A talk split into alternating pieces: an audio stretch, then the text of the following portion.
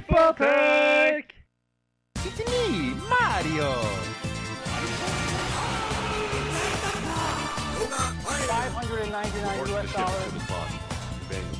Can't let you do that, Star Fox. Battle cruiser operational.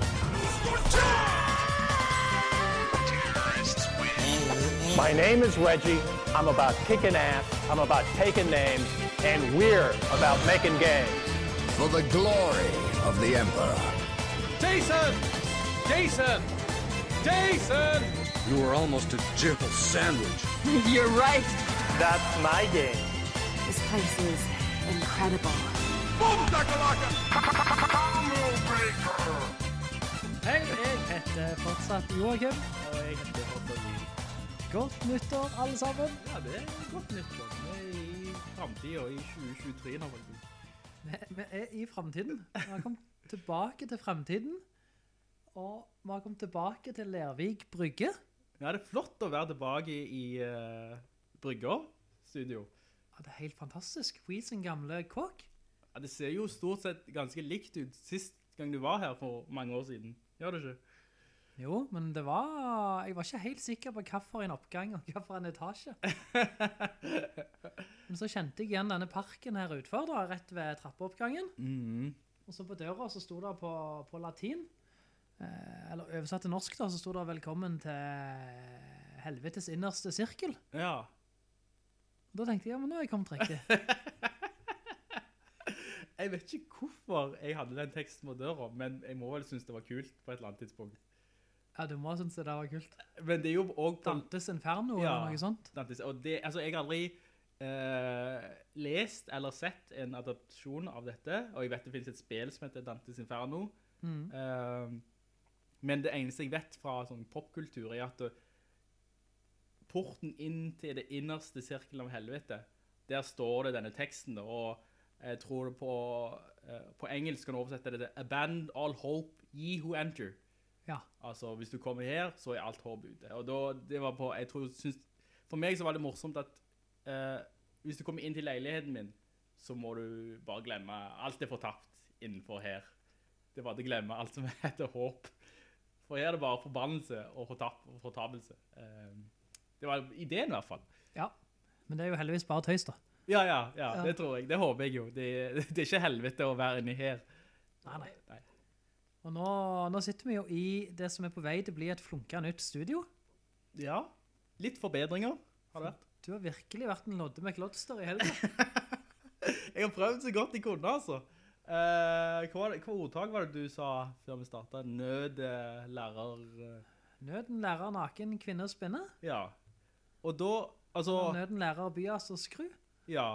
For eh, selvfølgelig en annen fornuftig person hadde jo bare gått ut og kjøpt eh, disse tingene.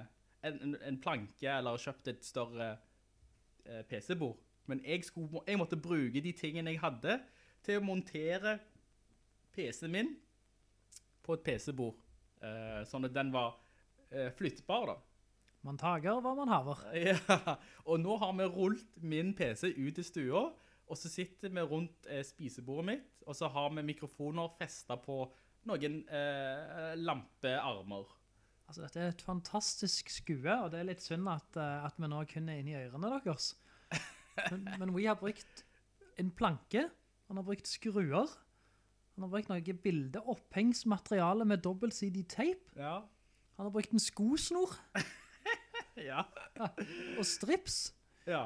Og nå henger på en måte PC på magisk vis fast i denne lille kontorpult-sammensuriet med hjul på. Den er ganske liten, er den? Det er jo bitteliten. Ja. Men alt det du har fått plass til, du bare trillet ut greia, Ja. stappet den i stikkontakten i stua, studioet i boks. Ja, for eh, poeng, tanken min var jo at vi skulle ha flere innspillinger sammen eh, i samme rom, for det er mye kjekkere enn å gjøre det over eh, nettet. Ja. Og hvis jeg skulle gjøre det, så måtte det ikke være et sånn sabla styr hver gang jeg skulle på en måte, Vi kunne ikke så det inne på gjesterommet, for det ble trangt og varmt og svett. Så da må vi gjøre det i stua, men det hadde vært voldsomt styr å koble fra alle kablene og koble på igjen i stua. Så nå er den veldig flyttbar. Eh, og så er det jo bare å sette opp mikrofonene. Eh, og det syns jeg vi har fått til. Det er ikke akkurat ideelt nå, eh, men det funker. Kanskje vi kommer på flere bedre løsninger etter hvert. Jeg tror du klarer å flytte alt dette tilbake der det sto, innen en gjennomsnittlig ungdom klarer å slå opp flyttbar i ordboka. Ja. ja, det var jo en, eh, en eh, bra sammenligning. Men det neste prosjektet må jo være mikrofonstativene. Ja. Men jeg regner med det blir en selvmekka løsning der òg. Ja, altså, jeg, jeg, jeg trodde jo Altså, jeg kjøpte jo disse, disse nattlampene fordi de har en sånn bøybar, bøybar arm. Eh, Ah. s- Ja, eh, så i tanken var jo at eh, de skulle Kanskje jeg kan eh, finne noe, en lur måte å gjøre dette på. Men eh, poenget må jo være at mikrofonen kommer opp i kjeften din nærmest mulig, uten at han forstyrrer eh, både kroppsspråket da. Ja. Det skal være minst mulig distanse mellom det du sier og det som kommer inn på PC-en. For hvis, hvis du må liksom holde mikrofonen, eller liksom, hvis det er et eller annet fysisk i veien, så stopper det dialogen, tenker jeg. Ja, det er sant. Dette her skal være eh, genuin konversasjon. Ja, ja, det er sant. Og det, vi begynner å nærme oss. Vi begynner å nærme oss. Og selvfølgelig, igjen, vi kunne betalt for dette. Vi kunne kjøpt ordentlig mikrofonstativ med ordentlige mikrofonarmer. Men eh, ja, jeg er ikke helt der, altså. Jo, det, det tar jo vekk hele ånden til oppdagelse. ja. Å kjøpe et ferdig kart. Ja, ja, ja, det er sant. Det er jo så mye mer spennende hvis vi ikke kan det, og så finner veien på egen hånd. Ja, Så det er en viktig leveregel, tror jeg. Eventyret finnes faktisk i ditt eget datarom. Hvis du bare nekter å bruke penger på ordentlig utstyr. ja men eh, nå prøver vi jo dette utstyret og dette oppsettet, så får lytterne si, gi, eller gi oss tilbakemelding hvis det er helt på trynet, eller eh, hvis kvaliteten er verre enn det den var før, da. Ja, Og det vi kanskje kan si også allerede, at dette blir en litt kortere episode. Ja, Vi skal holde oss innenfor én time. ja, Vi har en streng plan, vi har en klokke som går. ja.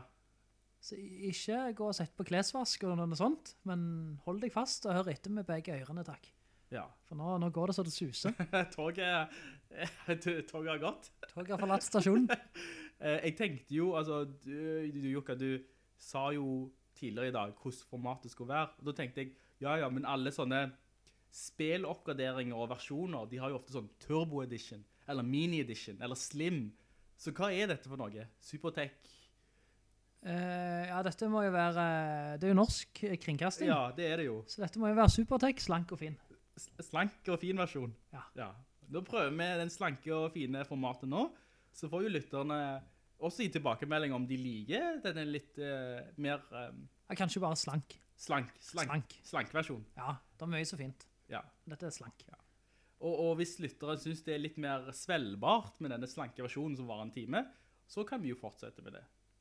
Og hvis dere syns at dere nå ble snutt for en time med koseprat fra meg og i, si ifra, så fyrer vi på en time til. Ja, for jeg, jeg liker jo, jeg liker jo kosepratet. Ja. Ja, Jeg vil mer gå litt rett på saken. Ja, ja, ja, for- så her har vi litt sånn to forskjellige eh, perspektiv da, på hva en kringkasting er for noe. Eh, Men eh, vi må alltid eh, utvikle oss og prøve nye ting, eh, metoder. Eh, Så jeg, jeg synes dette bare er kjekt og spennende. Kult. Mm. Og nå, eh, uten mer omstendelig introduksjon, Mm. hva har du spilt siden sist? Åh, det er en del faktisk. Eh, Nå skal vi være effektive. Det skal vi. Så da skal jeg bare eh, kjapt si hva jeg har spilt, og det er jo mye God of War Ragnarok, altså. Det er det. Eh, og det er et fantastisk spill. Skal vi kanskje gå gjennom listen først, før du utbroderer de? Ja, Så vet folk hva de har i vente. ja det kan vi.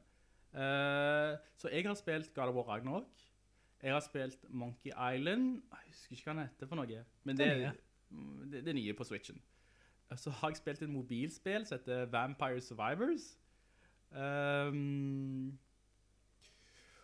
um, og så har jeg spilt faktisk eh, en masse retrospill, eh, men det er en grunn for det. Eh, Skal jeg bare forklare kjapt grunnen for det, eller? Ja, det kan begynne i den enden du føler. Ja. Det kan jo henge der som en liten sånn flørt. Ja, Og så ja. går du tilbake til God of Warne. Ja, det kan vi. Jeg liker å flørte. Eh, nei, God of War. Eh, fantastisk spill, altså. Jeg gir han Jeg husker ikke hva jeg ga originalen. Altså 2018-versjonen. Jeg tror du likte den. Ja, jeg, jeg, altså, jeg, jeg, li- jeg likte dette spillet like godt. Eller bedre? Eh, Kanskje Det er jo dobbelt så langt. Er det faktisk dobbelt så langt? Ja, for sånn rundt regnet. Ja. Eh, jeg følte det var Altså, det Den ga meg mye mer enn Elden Ring på et personlig plan. På en sånn eh, På et narrativt plan. Handlingsmessig. Eh, mens God of Elden Ring var liksom bare episk og stort. eh, og litt sånn overveldende, så var dette veldig direkte. Rett i hjertet. Eh, det var så mange fine øyeblikk, så mange alvorlige øyeblikk. Eh, og eh, grafikken er helt vanvittig. Altså, nå spiller jeg på den gamle PlayStation 4, men Slim, ja, slim ikke pro. Nei, ikke proen. Eh, men du kunne liksom se rynkene i panna til han Kratos. Eh, altså, det er så detaljert. Men all, alle følelsene var liksom Jeg kunne ta og føle på det. Det var så tydelig. Eh, både altså, stemmemimikken til disse skuespillerne, men òg regien. Hvordan de fortalte ting, og hvordan ting skjedde. Um, Veldig bra. Eh, jeg vil anbefale det spillet egentlig til alle som har PlayStation-konsoller. Eh, men det var kanskje en del i midten der han på en måte dyppa litt. Grann. Det må jo være noe dalsøkk. Ja. For stort sett når For spillet holder deg på en måte Det er veldig sånn korridor, det holder deg i hånda fra sted til sted. Det er litt sånn Ja, du går det til stedet, og så sier en av karakterene Ja, vi må videre her. Men du må ikke nødvendigvis. Men han holder deg i hånda. Men mm, liksom sin, kanskje sånn tre fjerdedeler ut i spillet, så slipper han litt tak. Og så sier han Her er et stort område som du kan ta hvis du vil. Og så når du kommer ut der, så er det et svært område. Ja, det var det området. Ja, men det, er kanskje, det var kanskje litt for svært, fordi da fikk jeg denne litt følelsen at det var litt sånn åpen verdensspill. Og jeg tror kanskje eh, Santa Monica har liksom lekt litt med tanken at ja, i akkurat de, denne delen av spillet så blir det åpen verden. Skulle de tikke den boksen på omslaget sitt? Har åpen verden. Har x antall timer gameplay. Ja, jeg, jeg følte at den, akkurat den delen så ble spillet liksom, han, han duppa litt i, i narrativet, i spenningen, fordi det hadde ikke så mye med hovedplotter å gjøre lenger. Nei. Eh, og da følte jeg at det, ja, ja, jeg, jeg fikk jo vite kjekke og fine ting, og det var jo liksom kjekt å spille, men det var av mindre betydning, når alt som hadde skjedd før var så spennende og så viktig. Så det er jo på en måte litt min egen feil, at jeg går vekk fra hovedhandlingen. Eh, jeg tror bare det var en sånn kontrast for meg, å havne ute i dette feltet, som er jo fantastisk laget, altså grafikken og på en måte og måten de har bygd opp brettet, det er liksom en sånn krater, der det er jungel, og så er det litt sånn sump. Eh, men innimellom så gikk jeg meg litt vill, faktisk. Jeg Bare sånn, oi, hvor var jeg nå? Når spillet før hadde holdt meg så godt i hånda, og, jeg, og akkurat i Ga- God of War så er det jo, det var helt greit å bli holdt i hånda. Ja. Det er ikke Elden Ring, det er God of War. Og da, er det, da forteller en handling, og det er en mening bak historien. Og når de slapp den, så ble jeg litt sånn, litt forvirret nesten. Hadde det vært bedre om den døra åpnet seg etter rulleteksten? Eh, ja, kanskje. Eller trenger du å grinde den biten hvis du er en mindre erfaren spiller? Du, nei, du må ikke. Du, du, det var ingenting av det, denne delen som du måtte gjøre. Men Men du fordi fikk ikke bedre øks eller bedre stats? Eller? eh, Vel, altså, alt du gjør, får jo du Det er ikke erfaringspoeng, men du, det, får jo, det er på en måte eh, ressurser. Så ved at det gikk der, så fikk jeg jo kanskje en rustning eller et eller annet sånt, men det var ikke noe essensielt. Nei. Ehm, så det er ingenting om dette som du må gjøre, men fordi jeg er som jeg er, så tenkte jeg jeg må jo fullføre alt før jeg kommer til siste boss. eh, Så det er min, eget, min, min egen feil at jeg var så lenge i dette området. Eh, og eh, kanskje andre hadde vært litt mer sånn, hvis du ikke er så slave av å få ting 100%, så kan du være der et par timer og, og være fornøyd med det, og så går du tilbake til eh, hovedhistorien, og så kan du heller gå tilbake til den delen når du har rundet spillet. Ja.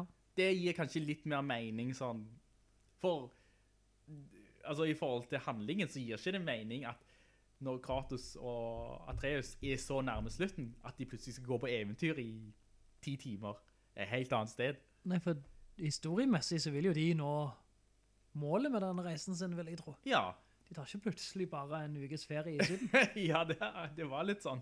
Det var litt sånn, å, nå er vi nærme, men eh, vi tar en uke i syden, liksom. Sant? altså, ehm, ja, nei, men... eh, fantastisk spill. Eh, det, altså, jeg, det gjenstår faktisk litt for meg eh, det, det, å ta de siste tingene i spillet, men det, det er ting jeg kunne ikke ha gjort før etter rulleteksten. De har liksom låst visse ting til etter rulleteksten med vilje, og det er greit. Sånn som de gjorde i Einan. Gjorde de det? Ja, de gikk til isverden, flammeverden, Mm. via denne hubben, og så måtte du ta oppdrag i disse verdenene. Ja, De var ganske vanskelige, men jeg tror du fikk en del utstyr som gjorde deg at du tålte på en måte gift og flamme og is. ja, ja, Muspelheim og ja, disse heimene. heimene, ja. Eh, det kan jeg jo òg si er en klar forbedring i forhold til einen. Eh, det å reise mellom disse Hva er det for noe? Verden og sfærene. Ja. Det er et heim, liksom. Jeg syns det var veldig forvirrende i einen. For der var det sånne skiver som du flytta på, og så åpna det seg en portal. og Ja, stemmer. Det var ganske omstendelig. Altså, det var, men her er det liksom bare en dør, og så har hvert, eh, hver verden har liksom en rune. Så bare klikker du på den, og så går, går du inn. Enkelt og greit. Rett på sag. Ja, for i Einen så var det kanskje et poeng at det skulle være litt mystiske skifte mellom verdenene. Men nå er det, hva, drit i det. Ja, ja, ja. Bare opplev de. ja. Og så har du jo skjult alle disse transisjonene veldig bra, da. Eh, Ja, for- altså lastesekvensene og sånt. Ja. Det er eh, det er, altså, k- av og til når du går, hvis du er i en verden, og så går du fra et område til annet, så har de jo skjult det bak liksom en, å, det er en stein, han- du må dukke unna. Og så dukker han unna, så smyger han seg rundt, og så er brettet ferdig lastet. Eh, og hvis du eh, reiser mellom verdener, så eh, åpner du jo på en måte en portal, så kommer du inn i mellomrommet, kan du si. Altså, det, det, det, rommet som er mellom verdener, og så går du bare liksom et stykke bortover, og så åpner portalen seg. Eh, sånn sett, og så snakker de underveis da. De forteller om gamle eventyr, eller et eller annet om en av karakterene. Så det er... ehm, De skjuler på en måte ja, last, lastetidene. Ja, og- og det er veldig bra, og det, det synes jeg er en kreativ og bra måte å gjøre det på. For jeg, i første spillet så var det jo veldig viktig med at eh, på en måte hele spillet var uklippet. I det- Alt var bare, liksom alt, kamera sluttet aldri. Ja. Og det har du jo, tror jeg, gjort nå også, men det er ikke like, liksom, jeg tror ikke det er poengtert på samme måte. Det er ikke, det, nå er det bare sånn. Så Ja. det var ikke noe jeg liksom la merke til, eh, eller på en måte synes var like imponerende denne gangen. Nå var det forventet. Ja, det var litt forventa. Og, og jeg syns Jeg liker liksom det, er det, det er sånn God of War-spill er. Og nå vet jeg ikke om det kommer flere, men eh, det er en bra måte å fortelle det på. Ja. Eh, Du henger med alle karakterene. Ja, men Jeg vet ikke hvor mye mer jeg kan snakke om God of War, fordi dette er Nei, du fantastisk. får lov å si eh, de tre siste setningene du må si om God of War. God of War, God of War, God of War! Nei, eh, dette er God of War og co. Veldig mange, du styrer andre karakterer innimellom. Ja, det må du si. Du styrer, du får kompanjonger som du ikke hadde i enen. Eh, så du får et mye bredere perspektiv, eller eh, liksom, verden føles større, fordi du ser ting fra andres vinkler, andre folk eh, i denne gruppa di. Ja. Så det er ikke bare Kratos som er sint, og han gjør ting på sin egen måte. Men nå er det mer nyansert, kanskje. Ja. Atreus får... Mm, du spiller som... At- Jeg håper ikke jeg har ulandet, men du spiller innimellom som Atreus. Ja, han som grinete tenåring i eh, løsrivelsesfasen. Ehm, Han er ikke grinete. Han er Til å begynne med så, så Du blir litt sånn Du vet ikke helt hva han vil. Men det, er ikke, det vet man heller ikke sjøl. Men han er jo i den fasen der han på en måte skal bli sin egen mann, da. Ja. Og vokse opp. Men etter hvert så skjønner du hvorfor han gjør de tingene han gjør. Og det er ikke sikkert Ja, de er ikke enige, Kratos og Atreas. De har ulike måter å løse dette på. Det kommer et problem. Ja, for han veves inn i norrøn mytologi. Ja. Ja. Og han har jo en viktig rolle å gjøre. Men det må Atreas finne ut av sjøl. Men det er Kratos. Han, han, han er jo faren hans, så han tviholder litt på 'Jeg skal beskytte deg'. For det, det er liksom hans oppgave som faren hans, er å beskytte sønnen sin for, for enhver pris.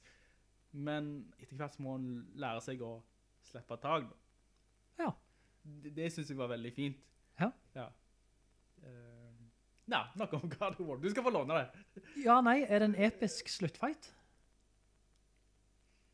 Ja, Når dette er Ragnarok, så forventer jeg noe episk i, i eh, sluttsekvensen her. ja, det er det. Men bossen, det er ikke den vanskeligste bossen. Nei, men den kan Eller- jo være kul for de, om den ikke er så vanskelig. Eh, ja. Nå ble jeg litt sånn... Er det antiklimaks i slutten? Eh, Det er ikke antiklimatisk. Eh, narrativt messig så er det et bra, det er veldig klimatisk. Det, jeg synes slutten var veldig bra. Men det er fordi jeg slåss mot noen jævlige bosser underveis. Og det er valgfrie bosser, Ja. der jeg sleid veldig, l- nesten sånn Elden Ring-nivå. Altså, jeg holdt ikke på flere timer, jeg holdt på kanskje halvannen time, kanskje to. Ja. Eh, men når jeg da klarte sluttbossen på første forsøk, da blir det sånn, ja, ja, ja, han døde. men jeg tror ikke det er, men disse valgfrie bossene er jo dritvanskelige, fordi de er valgfrie. De skal ikke være, du skal ikke være nødt til å ta dem. Men for de som vil ta dem, så kommer du til å slite. Og når jeg sleit mer mot disse valgfrie bossene enn mot siste boss, så blir det jo litt sånn, ja, der slutta det. Jeg forventer kanskje å dø en gang. Altså, Ragnarok har egentlig en ganske tilgivelig pakke som passer mange, Ja, og så har de sydd den en del for de som skal ha noe ekstra. ja, ja. Og jeg spilte jo bare på normal vanskelighetsgrad, og hvis du vil ha det vanskeligere, så kan du, skru, du kan jo bare skru det opp, men eh, jeg, jeg tror bare eh, at, at når det kom bosser som var, eh, jeg vil si noen av dem var ganske jævlige, eh, og så er siste mann langt mer tilgivelig, Ja. så blir det litt sånn, eh, ja, det blir bare litt sånn, å ja, ja, det var det over da. for det skal frykte siste boss. Ja, ja, ja, det skal, det- det skal jo være... Jeg trodde kanskje at jeg kom til å dø, men det gjorde jeg ikke. Men det var fordi jeg sikkert hadde eh, fått såpass bra utstyr og oppgradert meg selv såpass mye at han var enklere for meg enn for andre. Det kan Ja. godt være. Så det er min egen feil. Igjen. Ting ble sånn. Du skal få lov å kjapt si noe om dette prosjektet som du har flørta av i. Åja, ja, ja. Ehm, Mange retrospill, sa du. Ma- Jeg sa mange retrospill, og det er fordi eh, jeg har flyttet tilbake til leiligheten min, som sagt, og så fant jeg alle mine gamle konsoler, og så børsta jeg støv av dem, og så tenkte jeg, ah, ja, jeg må bare, det er ikke mer verdi i disse, altså jeg har ikke tenkt å spille dem igjen, jeg får bare selge eller gi dem vekk. Men så begynte jeg å liksom, altså før du selger eller gir noe fra deg, så må du teste at det er greit da. Ja. Og da plugga jeg i PlayStation 3. Det funka som en drøm, den. Eh, jeg fikk logga inn. Ehm, og så var det sånn Å ja, Uncharted 3. Ah, ja. ja. Så spilte jeg introduksjonssekvensen til den. Ja. Det er liksom gode minner. Så sto jeg av PlayStation 3. Botet jeg opp Xbox 360. Den funka, den òg, vet du. Ingen Red Ring of Death. Nei, nei, den funka. Og, og så, altså, først så var det sånn Hei, hvem er du? Og så måtte jeg jo logge inn. Men der var jo brukeren min. Ja. Og, og så så jeg at alle mine gamle Xbox-venner hadde ikke logga seg på på ti år. så de står der og sover, liksom. disse, husker du- Avatarene, ja. Avatarene, De sitter der og sover og venter på å bli Jeg kjøpte vekket. Dragon Age eh, T-skjorte til avataren. min. Så jeg kan si at eh, jeg så eh, avataren din med Dragon Age på seg. Eh, han, har Åh. ikke, Han kommer til å sove en god stund til. Han gjør nok det. Ja. Ehm, men så kikket jeg jo på alle de digitale spillene jeg hadde på Xbox-harddisken min, og de funket, vet du. Ikke noe problem. Men så skrur jeg på Wii-en. Neida, ikke tale. Det er lys i den, men det kommer ingenting på TV-skjermen. Lyset er på, men ingen er hjemme. Ingen hjemme, altså. Så den fikk jeg ikke spilt. Eh, men eh, det var selvfølgelig kult å bare se at alt dette funket, og så fikk jeg en idé da. Kanskje jeg skal beholde disse konsolene og et visst utvalg av spill, og så kan jeg ha det i hylla som en type sånn levende museum. Vi må legge ut bilder av alle disse fine tingene. Oi. Ja, Men, men jeg kan jo bare attestere at, at dere andre har eh, bøker eller sånne danske apekatter til tusenvis av kroner. ja, I tre, vel å merke. Ja. Så har vi her bare, han har spillhistorie ja. på display, og det, det ser sinnssykt bra ut. Jo, takk. Eh, altså, nå har vi... Tingen er med PlayStation 3 og Xbox 360, de er jo moderne, så de var lette å koble til TV-en. Eh, men så har jeg jo fått i gave, donert, av Gustav og kanskje Joakim her, en gammel PlayStation 1. Ja, det er fra Gustav. Det var alltid fra Gustav. Altså, tusen takk til Gustav. Tusen, tusen takk, Gustav. Og to stykk gamle, originale Xbox. Eh, jeg vet ikke hvorfor det er to, men det var bare to i esken. Men de får jo... De har formert seg, mens du har Ja, de, tenkt. de har det. Jeg får ikke kobla de til TV-en min. Fordi de har sånne rare kabler, og den ene kabelen var brukken, så, eh, så det er litt mer sånn, jeg må finne en må måte, en lur, eh, og brukervennlig måte, og koble de til TV-en min på. Eh, sånn at de kan spilles og brukes. For altså, de ser jo fine ut, men eh, tanken er jo at eh, hvis noen gjester eller jeg tenker, ja, kanskje jeg skal prøve et gammelt spill, så skal jeg kunne koble den opp på ett minutt. Eh, det skal ikke være konstant på, men det skal være lett å koble deg på, og kunne oppleve, litt som et museum, litt historie, litt Ja, spelhistorie. dette var helt magisk. oi. Kanskje du bare skal ha den andre Xboxen som, eh, som backup Ja, det, i nødtilfelle. Ja, tilfelle. For dette er jo, det er jo gamle maskiner, de kan jo konke. Det er ikke som Wien. Jeg, altså, jeg, jeg trodde ikke den skulle ikke funke, men tydeligvis har et eller annet gått galt i den. Altså, han, han, han har jo stått uten strøm, men hva kan ha skjedd inni innmaten der? Nei, det kan også være kabelen. Så du kan prøve med en annen kabel Jeg, jeg først. prøvde to forskjellige kabler. Å ja, Eh, da er det innmaten. ja. Men tingen, han durer jo. Han tar imot spill, han durer, og at ting virker greit. Jeg har ikke prøvd å synke en remote opp mot den. Eh, Nei. men nå, nå har Hai sagt seg villig til å donere sin Wii til meg, da. Eh, så, Så da vil du få en fungerende Wii, ja, PlayStation 1, Xbox, Xbox 360, PlayStation 3 og Nintendo DS Lite. ja, det blir kolleksjonen. Fantastisk. Han har bare så vidt begynt. Ja, altså, jeg har, jo- jeg har på en måte ikke mer plass til flere eh, maskiner. Hvis jeg finner denne gamle Gameboyen Wii, da må vi henge den opp og forbi. ja, det blir jo... eh, Nei, det kan bli litt... eh, litt morsomt. Altså, jeg... Ja, dette blir dritkult. Altså, altså nå, det, dette er jo supernerdete. Men jeg, jeg og deg snakket tidlig om det det. driter jo meg. Ja, altså, altså m- vi, vi, er jo, vi blir jo 40 i år. Sant? Ja, da har vi en unnsky- unnskyldning. Hva er unnskyldningen? Nei, altså det tillater altså et eller annet idiotisk. Som å pepre stua med gamle eh, dubbedingser. Eh, ja, for altså, jeg har jo tenkt sånn, ja, men jeg, dette er jo et voksent hjem. Altså, Men det er ditt voksne hjem. ja. Ja. Og da må jeg jo pynte den sånn som jeg føler er, representerer meg da. Mm, Master of your domain, ja. på godt norsk. Ja, og kanskje Kanskje noen hadde kommet inn i et sånt hjem og tenkt Åh, så nerdete, åh, så barnslig.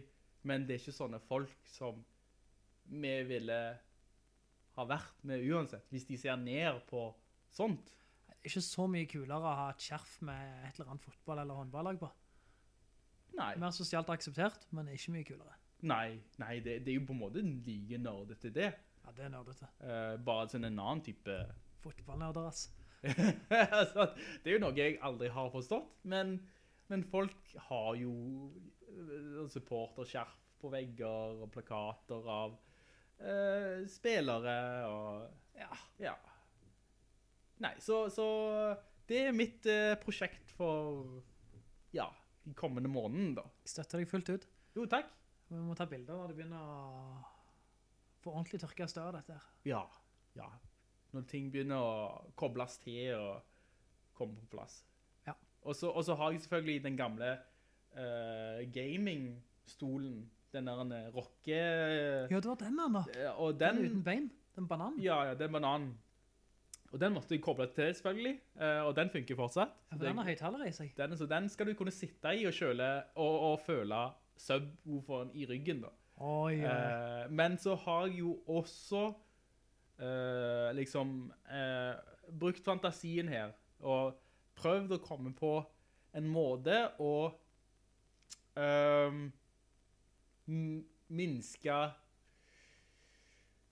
eh, kabelbruken. For kabler er jo drit. Ja. Og hvis, på en måte, hvis du skal nå få lyd fra TV-en, til stolen, så må du kjøre en kabel. Ja.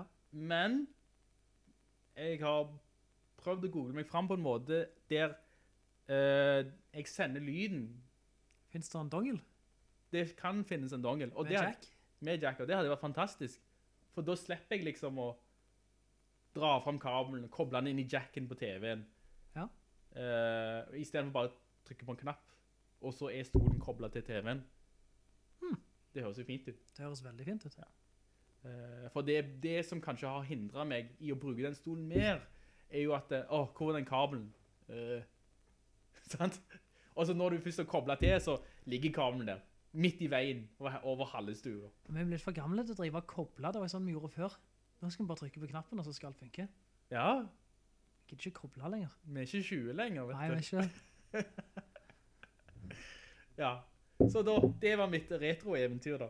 Veldig bra. oi. Eh, d- nå er det din tur. Ja, jeg skal være kort og konsis. Jeg har spilt StarCraft 2. Ja. Ta, ta det andre etterpå. og det har jeg jo spilt med, med deg, Wee, og med Henning. Det Ja, var vår faste mannedate. eh, en gang i uka, og av og til litt mer. mandag på mandag. Ja, Ja. derav navnet.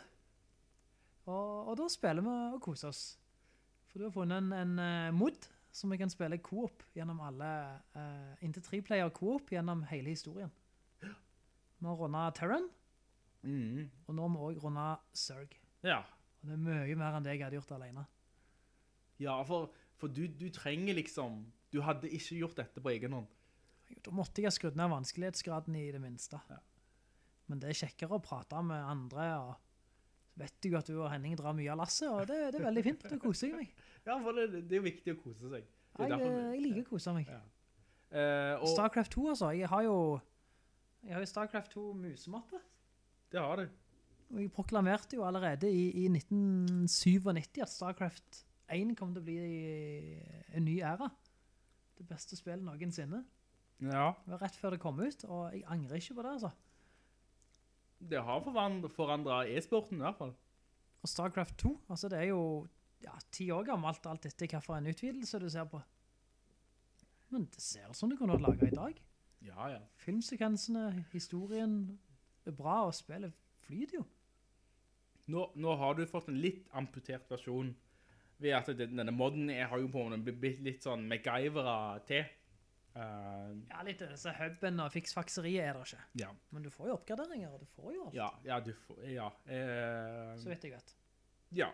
Altså, jeg har jo, jeg har jo spilt eh, disse kampanjene på egen hånd lenge siden. Eh, og du, som Henning sier, så, så mangler du kanskje litt av loren og, og oppbyggingen rundt.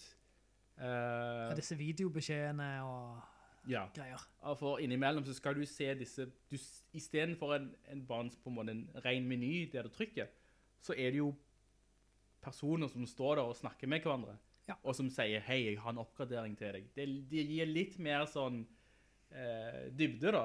Og jeg er litt allergisk med det der, jeg vil bare ha det jeg kom ja, for. det, men da, da, da funker dette veldig bra for deg. Ja, jeg er helt perfekt. Og innimellom så var det jo litt knot med at vi var tre herrer rett oppi hverandre. Og det spillet er ikke bygd for dette, Nei. men det funka jo på et vis. Jeg synes det funker dritbra. Så bare det at de slipper kreativiteten løs. Mm. Det eneste Blizzard skulle ha å si var at du faktisk måtte kjøpe ekspansjonen. Ja.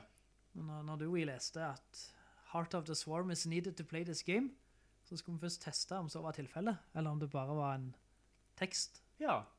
men det var tilfelle. Hvordan skal de sjekke det? Altså, det, det er jo eh, Det ble sagt, litt kontroll har det. Ja, ja, ja, ja, men det er bra gjort for det. Ja. Eh, og, n- og nå har vi jo Altså, nå har vi jo Hva hva heter denne moden, for folk som lurer? Nei, Coop Mod eller noe sånt. Bare, hvis du bare søker opp initialene på kampanjen, altså L- Wings of Liberty blir WOL, Ja, eh, og eller så er- HOTS. HOTS, eh, og- og så er det Coop. Men du må inn på Custom Maps og Arcade eller noe sånt, for der finner du disse rare mm, alternative måtene å spille på. Det er jo folk som har lagt sånne egne spill inni der. Ja. Um, Men jeg koser meg glugg i hele, altså. ja, ja altså, jeg, jeg, og vi, tr- jeg, jeg følte vi trengte jo en eh, litt avbrekk fra måten vi har spilt sammen på tidligere, for vi har s- skutt mange zombies, vi har vandret mange timer i skogen I Valheim. i Valheim. Nå var Eh, det fint å få en liten pause. Ja, og dette var jo en helt annen spillestil. Ja. RTS, Ja, det det- er helt annet. det hadde ikke vi spilt på mange år. Men RTS er PC og barndom for meg. Mm. De tre henger sammen. Mm. Så nå skal vi ha en liten pause og ta litt andre ting. Men jeg håper jo ikke den pausen blir for lang, for nå klør jeg etter i fingrene Ja. øh, og spiller mer Ja. StarCraft. Du er litt gira på eh, Legacy of the Void. Ja, skikkelig. Eh, og så har vi jo Jeg vet ikke om du kjøpte hele pakken når det var på tilbud. Jo da, For- helt driten. Vi har jo Ghost-brettet òg. Jeg tror Jeg det, vet ikke om jeg tok den med, usikker. det kan være det fikk. Men det er bare sånn fire-fem brett. Og Ja. Henning syns det var ja, Ikke må Du må ikke spille det. Men hvis, hvis, hvis alle har det, så kan vi jo prøve det. Men le- viktigst nå er jo Legacy of Voice, som er slutten på denne, denne tri trilogien. da. Men StarCraft er kult, og særlig kampanje, for du har så mye mer enheter. Det Mm. er mye variasjon i oppdragene. Og det er sånn jeg forestiller meg at på en måte eh, League of Legends eller Warcraft 3 eller noe sånt er. Det er litt mer hero-bruk. Det er mer enn bare makro Ja. i kampanjen. ja. I kampanjen. Og med oppgraderinger og, og sånt. det tar vekk noe av eh, på en måte deres kjedelige. Ja. Ja, for, fordi når vi oppgraderte, eller når vi fikk nye bygg, så var jo på en måte, alt var jo nesten på plass, ofte. Ja. Du bare trengte liksom å, å bygge en hydralisk bygning, og så slapp du å tenke mer på det. Her ser det sånne kule oppgraderinger som gjør at hver enhet fungerer på ganske ulikt vis. Og Det hadde jo aldri funket i multiplayer, for det hadde ikke klart å balansere det. Nei. Men her kan de bare leke seg og kose, kose seg med det. Så nei, StarCraft 2, elsker det. Men vi må videre, vi. Ja, toget tute, kjører godt. Det, det kjører jeg opp. Tjuk, tjuk. Nyttårsforsett. Ja. Eh, skal vi først ta for oss de gamle? Ja, kan du si hva jeg hadde vi i fjor? Nei, det kan jeg ikke. Husker du ikke? Nei. Ok, si hva du hadde. skulle jeg, skulle jeg Vel, hadde jeg som hjemmelekse å komme på dine nyttårsforsett? Nei, nei, jeg bare satser på at du gjør hjemmelekser for meg. Å ja, så- Men jeg husker mitt eget. OK, det var det bra. Nei, eh, skal jeg ta mine først? Ja, ta dine. Jeg skal ta mine kjapt og gale. Sånn kjapt og gale oversikt. Ja, fordi eh, det første var at jeg ønsket å spille spill mer ved lansering, og ikke vente med å kjøpe dem. Og jeg måtte heller ikke ha så mye fokus på gamle spill som ga meg dårlig samvittighet. Drit i det. Bare kos deg med nye spill, og lev i nuet. Ja. Litt sånn uh, Carpe Diem eller noe sånt. Ja, det er kjekt. Eh, og så hadde jeg et nyttårsforsett om å kjøpe enten og eller begge deler en Nintendo Switch OLED, det nye som kom ut i fjor, og eller en eh, PlayStation 5. Eh, og det siste forsettet mitt eh, var jo å spille og runde eh, Psychonauts 1, Psychonauts VR og Psychonauts 2. Hvordan gikk det med de tre forsettene? Eh, den første- Sightgeist. Zeitgeist. Jeg følte eh, Jeg spilte Jo, jeg følte det. Jeg følte at jeg spilte Elden Ring når det kom ut. Ja. Veldig, veldig kjapt. Eh, og så s- har jeg spilt God of War. Ikke ved lansering, men de fleste enspillerspillene jeg har spilt, eh, har vært nyheter. Jeg har ikke spilt så mange gamle spill som ligger i eh, den der eh, nedlastbar katalogen min. Nei, For de kan jo ikke legge seg på samvittigheten. De hører jo til et løpende abonnement. Ja, det er akkurat det, Du men har jo ikke egenhendig gått inn og plukket ut de spillene. Nei, men eh, jeg, fikk alt, jeg følte litt sånn, det gnager litt inni meg at jeg har disse spillene, hvorfor spiller jeg de ikke? Men jeg har på en måte gitt slipp på det. Ja, for du må jo bare ha de for å få lov å spille online. Ja. ja, det er litt sånn. Eh, så den følte jeg har gått greit, og jeg vil gjerne fortsette med det, og spille spill i nuet, og, og, og spille nyheter. Um, sånn at jeg kan prate om dette spillet med, med deg og andre. Ja. Um, og så når det, gi- når det gjelder kjøp av konsoll, så kjøpte jeg jo Swoleden, som noen kaller den. Eh, fordi den var tilgjengelig. Jeg kjøpte den når den var på eh, DNB-tilbud, og han kom i butikken. Så ved første anledning så kjøpte jeg den. Og- Og tanken var jo at jeg hadde gjort det samme med PlayStation 5, men den var aldri tilgjengelig eh, på samme måte. Så eh, mitt nyttårsforsett i 2023 er jo Nå sier jeg at jeg skal kjøpe en maskin innen året omme, så da håper jeg jo at den blir tilgjengelig i, på Power. Ja, dette er kult. For jeg tipper det er kanskje eh, litt flere folk som har et forsett om å bruke mindre penger og kjøpe mindre ting. Men du har faktisk et forsett nå om å, å kjøpe en PlayStation 5 Ja. Ja. innen året omme. Ja. Så aller helst så vil du gå på Power på DNB-tilbud, Ja. men når romjula kommer, da er du bondefanget. Ja, jeg er litt, da sitter jeg litt fast da. Da må den der være punge ut fullpris hos Elkjøp eller Nettonnet eller Altså, ja, et jeg, eller annet sånn der lugubert sted som pusher ting til veiledende pris. ehm, ho- forhåpentligvis eh, så har jo ting, har- så har markedet blitt mettet da. Så enten så kjøper jeg den, eh, det kan jo være jeg kan kjøpe den brukt også. Ja, det kan være. Det kan være. Men det, mitt Til eneste... en fornuftig pris da. til en fornuftig pris. Og da er det minimum 20 avslag, som Eh, sammenlignet med Power-modellen. eh, ja, jeg tror, jeg, tror, jeg tror kanskje 6000 er en grei pris. Veiledende 6.5 Ja. fra disk. Jeg er villig til å betale mellom 5 og 6 tusen for dette. Ja. Da Eh, håper jeg dere på Finn hører dette. ja. Og legger den litt over, hun kommer til å bryte. Tingen, altså, eh, vi, vi snakket om dette før vi startet opptaket, men det er jo, altså, vi er jo, altså, generasjonsskiftet har jo skjedd.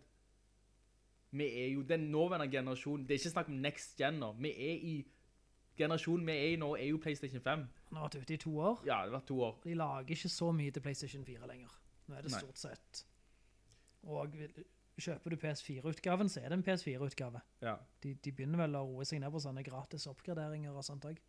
Ja. Nå, nå går, det- nå får du det du... Nå er det PlayStation 5 som er det Ja. er nå.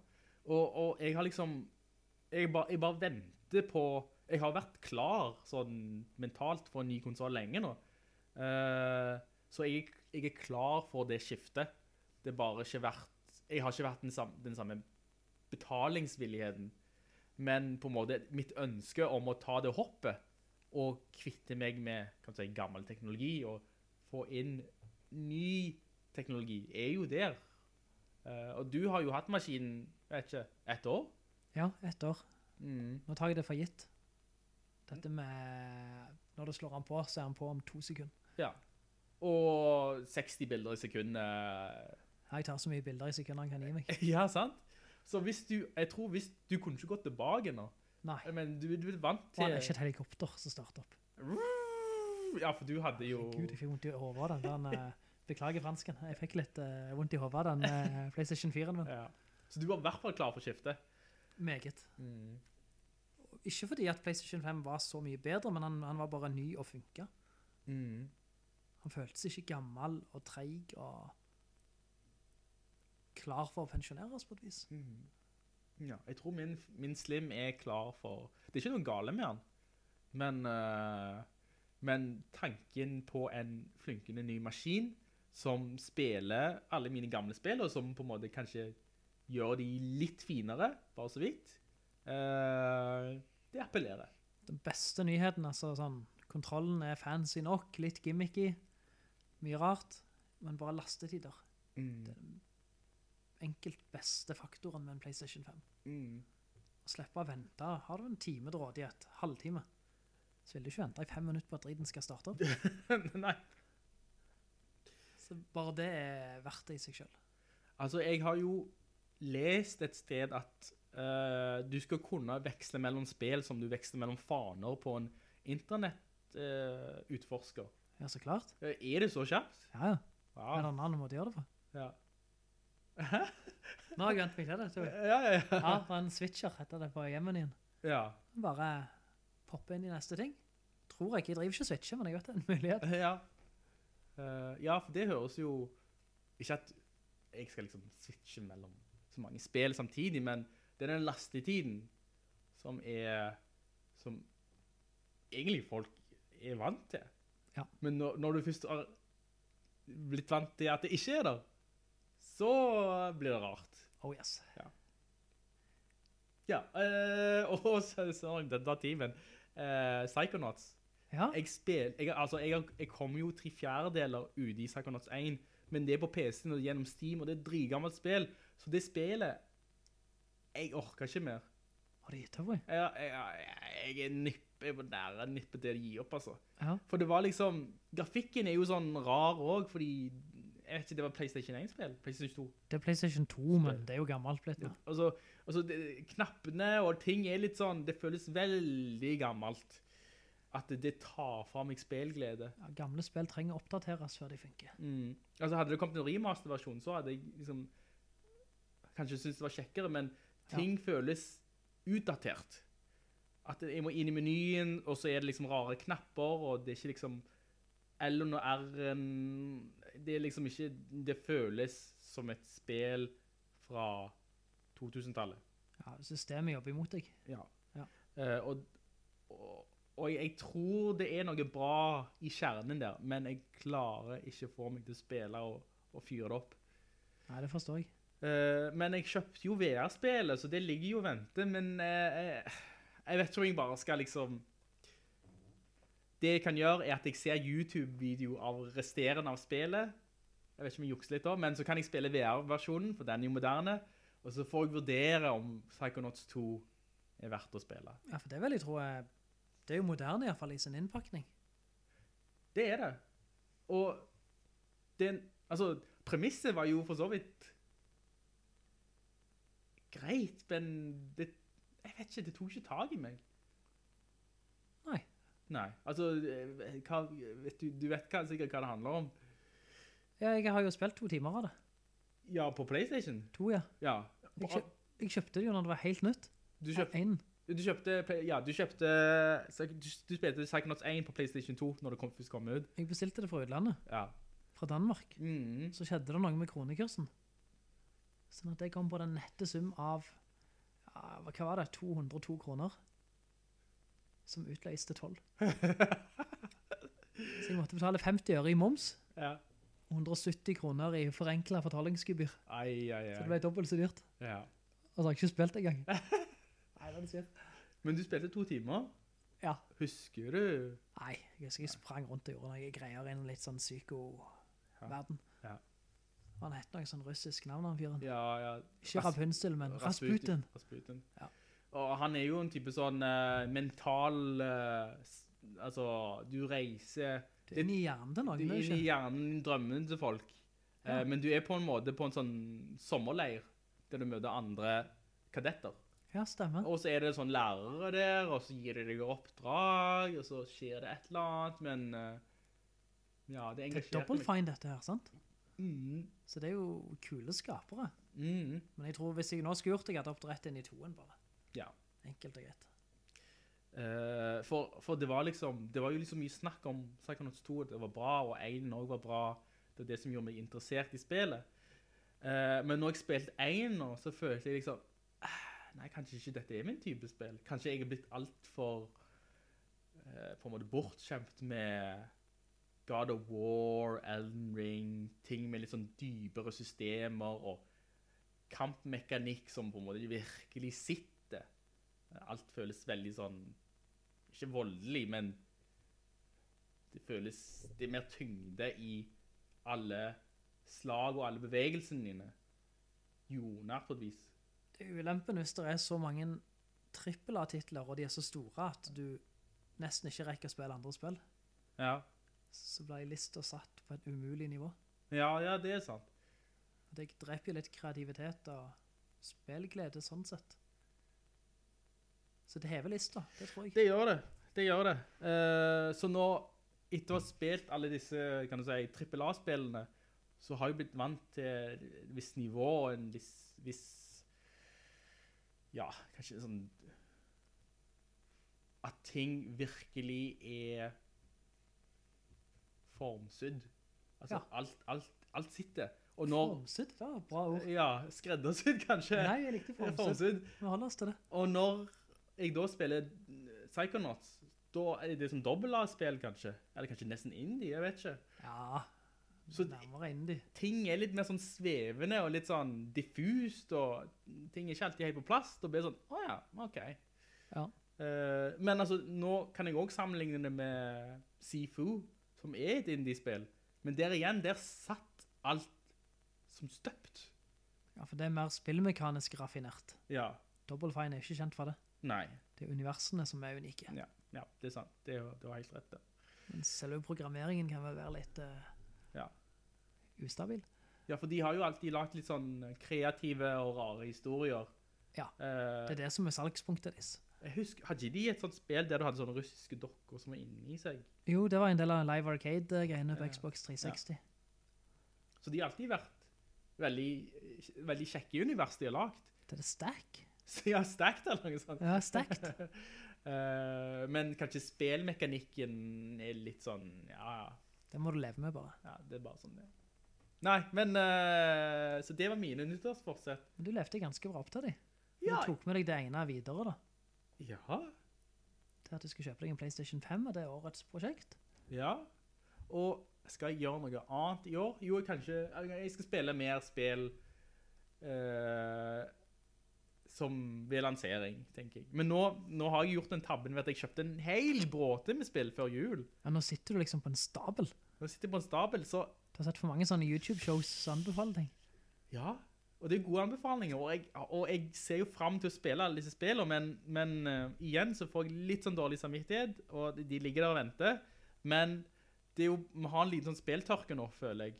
Ja, så det er jo et greit tidspunkt å ha en bunke med spill. Ja, for nå, nå skal jeg runde eh, Jeg tar resten av God of War, og så er det Bayonetta, og så er det Cult of the Damned, og så er det Kalt av The Lamb. Ja, ja Cult of the Lamb, ja. og så er det eh, Monkey Island, bare spiller jeg innimellom, for det tar ikke nødvendigvis Jeg må ikke sette meg så dypt inn i det. Nei. Og så eh, Og så har jeg jo lyst å spille eh, Tunic. Ja, det Ja. ser kult ut. Jeg har hørt det ballehardt, men, eh, men jeg har hørt så veldig mange gode ting om det. Eh, men da har jeg liksom Jeg tror, jeg tror denne kolleksjonen med spill kommer til å holde meg eh, Du holder deg flytende nå gjennom tørken. Ja. Men akkurat nå så kommer jeg ikke på et spill som kom i år, som jeg tenker Å, shit, jeg gleder meg virkelig til Altså, du har jo Zelda, selvfølgelig. Nå fikk jeg sjokk. Fikk jeg åndene til. Eh. Ja, ja, men eh, bortsett fra den, hva er det vi har å glede oss til i 2023? Kan si det når vi kommer til nyheter. Ja. Jeg gleder meg til en ting OK. Ja. som kommer før Tears of the Kingdom. Ja. Men vi benytter oss for å sette den også. Ja, eh, så eh, mitt forsett i forhold til spill er jo eh, Vel, nå må jeg love meg sjøl at jeg ikke skal kjøpe noen spill før jeg har runda de jeg har. Jeg tar deg grann over, du. Ja, en liten eh, Jeg kan sjekk. ikke kjøpe mer spill nå. Vel, vel, altså, de, de jeg nevnte nå Nei, de tar jeg og runder. Ja, ikke Men- de du har, men de du nevnte. De jeg nevnte, ja. Jeg, jeg har jo masse, jeg har jo masse, i- jeg har jo masse graps. Eh, men de jeg nevnte nå i lufta, Ja. de skal jeg runde. Eh, Og så kan jeg ikke kjøpe noen før de er ferdige. Kult. Eh, for- for det- altså, jeg har jo jeg, det, det er jo nok akkurat det. Det er mange timer jeg har foran meg nå. Ja. Og da, jeg må ikke 100 av det. Jeg ser rulleteksten. Altså, det, må, det må være godt nok. Ja. Ja. OK, det var meg. Takk til Eh. deg. Så har du deg. Hadde ett nyttårsforsett. Ja. Du modererte meg jo. Jeg eh, gikk hardt ut og skulle spille x antall av PS Plus gratisspillene. Jeg lurer på om jeg sa to timer med alle. Og Så modererte jeg det til at jeg skal teste ut ett PS Plus-spill hver måned. Og det holdt veldig bra i januar. Og så gikk det der høna sparker, og den sparker aldri i en hyggelig retning av feil. Det ja hva, er det er med, et dårlig sted de sparker. hva er det med høner? Jeg vet ikke hva som er problemet hans. Ja. Men, men altså, jeg spilte jo dette her en dverge minor-spillet, som var litt kult. ja, det, ja, det var gøy. Det var gøy, det. Ja, så det stoppte der. Så det var 2022. Takk for meg. Ja. Så i, i år, men jeg hadde jo et nyttårsforsett i fjor da. Det var ikke gaming-relatert, men det klarte jeg å holde gjennom hele året. Nesten. Og det var Legge telefonen i gangen og ta med meg en analog vekkerklokke inn på soverommet. Og det har gjort at jeg har fått bedre søvnkvalitet. Ja. Så vi, vi, vi gjør som en favorittfilosof, eh, Rema 1000. Og så må vi, må vi holde det enkelt. ja. Så jeg, jeg skal gjøre det enda enklere i år, OK. for meg selv. Eh, har jeg røpt forsettet mitt til deg allerede? Nei, nei, nei. Nei, for nå har jeg sånn at jeg har nesten glemt ut. Eh, men, men jeg har et forsett. Det har jeg. Så, så det, det er fint. OK. Har du glemt det ut? Nei, jeg vet det. OK. 14-dagers-regelen. Ja, Jeg ja, har nevnt det allerede. ja, det stemmer. Det stemmer. det Men stemmer. problemet mitt er jo at jeg spiller ting, så ramler jeg av, jeg glemmer historien, jeg glemmer mekanikkene, så blir det så tungt å sette seg inn igjen. Akkurat når jeg begynner liksom å ri på bølgen, så skal jeg bli skylt inn på land, og så må jeg padle ut igjen motstrøms. Så nå skal jeg spille et spill, har jeg plukket det opp, så har jeg 14 dager på meg til å plukke det opp en gang til. Så jeg ikke gjør det innen de 14 dagene, så er jeg ferdig med spillet. Er det et fysisk spill, så skal jeg selge det. Er det et digitalt spill, så får det jo være, men da må jeg jo slette det, men jeg har jo tilgang på det. Ja. Men triks er at, ok, det skal være en fokusert opplevelse. Det gjelder jo ikke mul typisk multiplayer-spill som Mario Kart eller Starcraft. Nei. For det er bare pick up and play, mer eller mindre. Men jeg har mange spill som jeg har kommet langt i, men ikke helt rundt. Ja, for jeg følger jo litt med på deg. Men du har jo en lista, jo. Men altså Det jeg syns er kjekt med å eh, spille parallelt med deg, Jukka, er når, når vi har starta spill samtidig, så er det jo kjekt å snakke sammen. Ja, hvor langt har det kommet? Ja, hva gjorde du der? Jeg starter alltid veldig bra. Å ja, og så er det så, og I startfasen er det så kjekt. Da er vi forelska, sant? Ja, Vi Bare så, Å, gjorde du det? Kult! Så så du han der.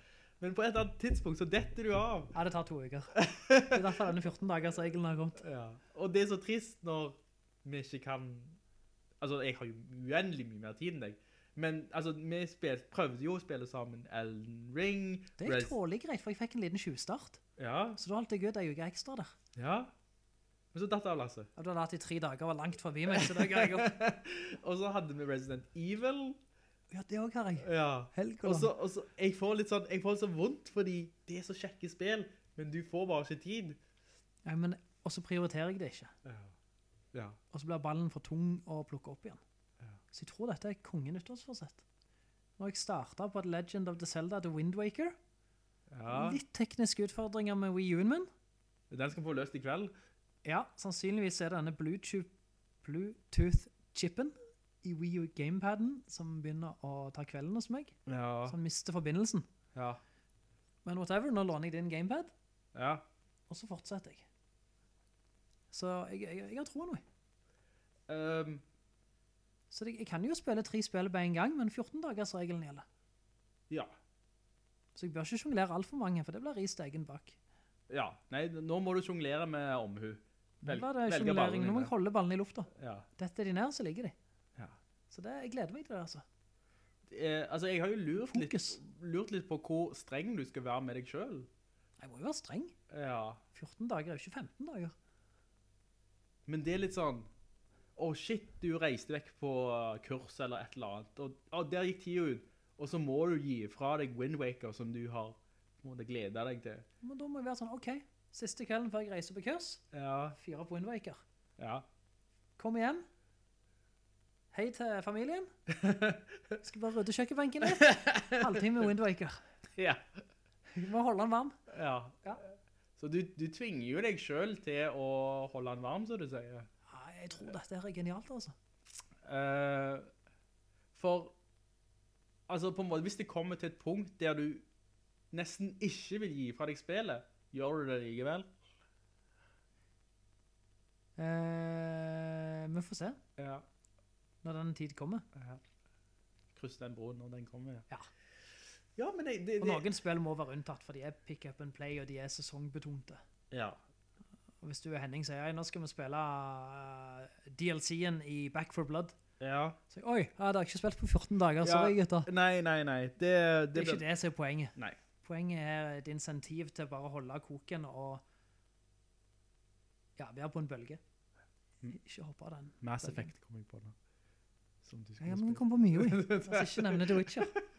Eller Elden Ring, eller ikke nevne noe av det der. Å, du, du har så mange Som Kjell ville sagt, du har så mange gode timer i Mass Effect, men du har, du har ikke kommet til den gode mm, karamellkjernen ennå. Nei, men nå går toget, så her sier vi eh, takk for oss. vi. Uff da. Jeg skulle, jeg skulle ønske at du liksom Du kunne kommet rett til det kjekke, men det er jo en vei. Det, og reisen der er jo òg kjekk. Ja, men jeg, jeg er en litt, faktisk, tror det eller ei, vi. Ja, Jeg trenger litt oppvarming. ja. ja du, tre- du må kurtisere, altså. Ja. Ja. For jeg merkte det med Alien Firestorm Elite. Ja. Jeg merkte det med Back 4 Blood. Og nå kjenner jeg det med Starcraft, at når, når du og Henning sier litt sånn, ja, ok, begynner vi å bli litt sånn ferdige på dette. Akkurat på det tidspunktet, så tenker jeg, hekka, nei nå. Nå klør dette fingrene i å spille hver. ja. Så det kanskje jeg bare lærer sent. Men når det først kommer under huden på meg, så, så liker jeg det. ja. Og det, det er det jeg håper 14 dagers regelen skal la spill få sjansen til å gjøre det. Mm. Ikke gi de opp før det. Ehm, har du noe sånn Ja, du sa det du sa eh, nettopp nå, kanskje. Du skulle ikke kjøpe nye spill. Ja, jeg har jo et nyttårsforsett generelt. Ja. som jeg skal kun kjøpe brukte ting. Ja. Truser får jeg lov å kjøpe nye, eller så må jeg la være. Men eh, Og dette gjelder alt i livet. Ikke, Alt i livet. Ikke, ikke bare spill. ja, flybilletter vel, spørs jo om de kan fås brukt. Men eh, Brukt flybillett. ja, jeg skal kjøpe brukt. Mm. Så det samme vil gjelde spill, så jeg er glad jeg har diskutgave av PS5. Ja. Så jeg, jeg kan ikke slenge meg på noen hype trains. Ja. Du, du Jeg er liker jo kjent for den gode hype. Du, du er en hype man, Jeg altså. er hype man. Altså, stemningstoppen min er før et spill lanseres, varer frem til dag to, Ja. så går han under jorda, og så kommer han igjen. Ja. Så nå, når jeg gleder meg til spill, så må jeg rett og slett bare vente til de ligger på Finn. Det trenger ikke nødvendigvis ta så fryktelig lang tid. Neida. Jeg fant Elden Ring der eh, et par uker etter lansering. Ja. Max. Men, Men det eh, er litt sånn, Ja. bruke ting om igjen. Eh, jeg må bare spørre deg om, om du har kjøpt PlayStation 4-spill på PlayStation 5. Altså, du har kjøpt PlayStation 4-disker som du spiller på 5-en. Jeg har ikke kjøpt PlayStation 4 disker etter jeg fikk meg PlayStation 5. Nei, du har ikke det, nei. Nei. Nei, hvis ikke Back 4 Blood kom etter jeg fikk PS5. Ja. Men det er PS5. Det finnes en Ja, PS5-versjon. kanskje det er det jeg har. Eh, ja, for jeg bare tenkte om, om du kanskje valgte en PlayStation 4-versjon fordi det var billigere, eller fordi det ikke fantes en PlayStation 5-versjon. Ja, når jeg har det to versjoner, så kjøper jeg PS5. Ja, du gjør alltid det. Elden Ring er PS5. Jeg lurer på hvordan det ser ut. Jeg tror aldri jeg har sett det hos deg. Åh, du skal få se det, oi. det ser jo veldig fint ut da. Det ser nydelig ut. Eh, men litt, om vi, jeg tror forrige episode, om vi snakket om Video Game Awards, så vidt. Ja, vi gjetter jo. Ja, Meg, deg og Kjell. ja, Og vi traff jo ganske bra på at Elden Ring eh, Ja. s- tok store slem, på et Ja. vis. Vi skal snakke litt mer om VGA-en eh, i nyheter. Ja. Eh, men jeg skal bare, kan jeg bare runde av? eh, La oss åpne en boks med julebrus, ja, etter du har rundet av. ja. Rund i vei. Dessverre så fikk jeg Horizon Forbidden West of High til bursdagen min, så det er også et megaspill jeg må runde. Jeg må legge det til lista, som jeg nettopp nettopp nevnte nå. Ja, så PC-spill du fikk av meg, så ikke du sa det. Åh, pan pandemonium, pantium eh, Pentagram. Nei, Vent da! da søren. veldig, veldig kjekk gave. Du må på lista, oi. Eh, ja, den er på lista. Den er offisielt på lista. Eh, ja, men nå ble den lista veldig lang, altså. Ja, herregud. Og så, det- og så spiller jeg jo eh, VR-spillet med, eh, med venninna. Som jeg synes er veldig kjekt, faktisk. Kjæresten. Vel, Du er bare 60 år gamle folk, så jeg kaller det derfor jeg er venninne, oi. eh, situasjon uavklart. Ah, jeg vet ikke hva ungdommen i dag heller holder på med for den Nei, saks skyld. nei, nei. Um, En god venninne må vel være lov å kalle det. Ja, hun er veldig god. Hun er veldig flott. Ja. Og hun kommer jo til å høre på dette òg, faktisk. Ja. Så da sitter jeg i saksa. Eh, men eh, meg og hun har faktisk spilt et VR-spill som kalles After the Fall. Som er det samme Det, det er egentlig er sånn Det er zombie-greier. Left 4 Dead-aktig, men å spille i VR-modus er noe helt annet enn å spille det på TV-skjermen. altså. Jeg fikk jo prøve headsetet hennes Ja. når hun var i byen sist. Ja. Og det er det den... eh, Quest Wa- Nei, Meta. Meta. Quest 2. Ja. Og den var lett, teknisk fin. Mm.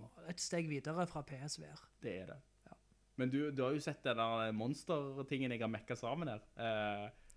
Eh, som, så, men altså, det, det, ser, Klodster eh, slår det igjen, altså. det ser jo helt uh, hjemmesnekra ut, men følelsen er helt Det er fantastisk. et plastikkevær, Ja, med en sånn PlayStation Move lyspære i enden. Ja, For det ja, er det på de. ja, ja, ja.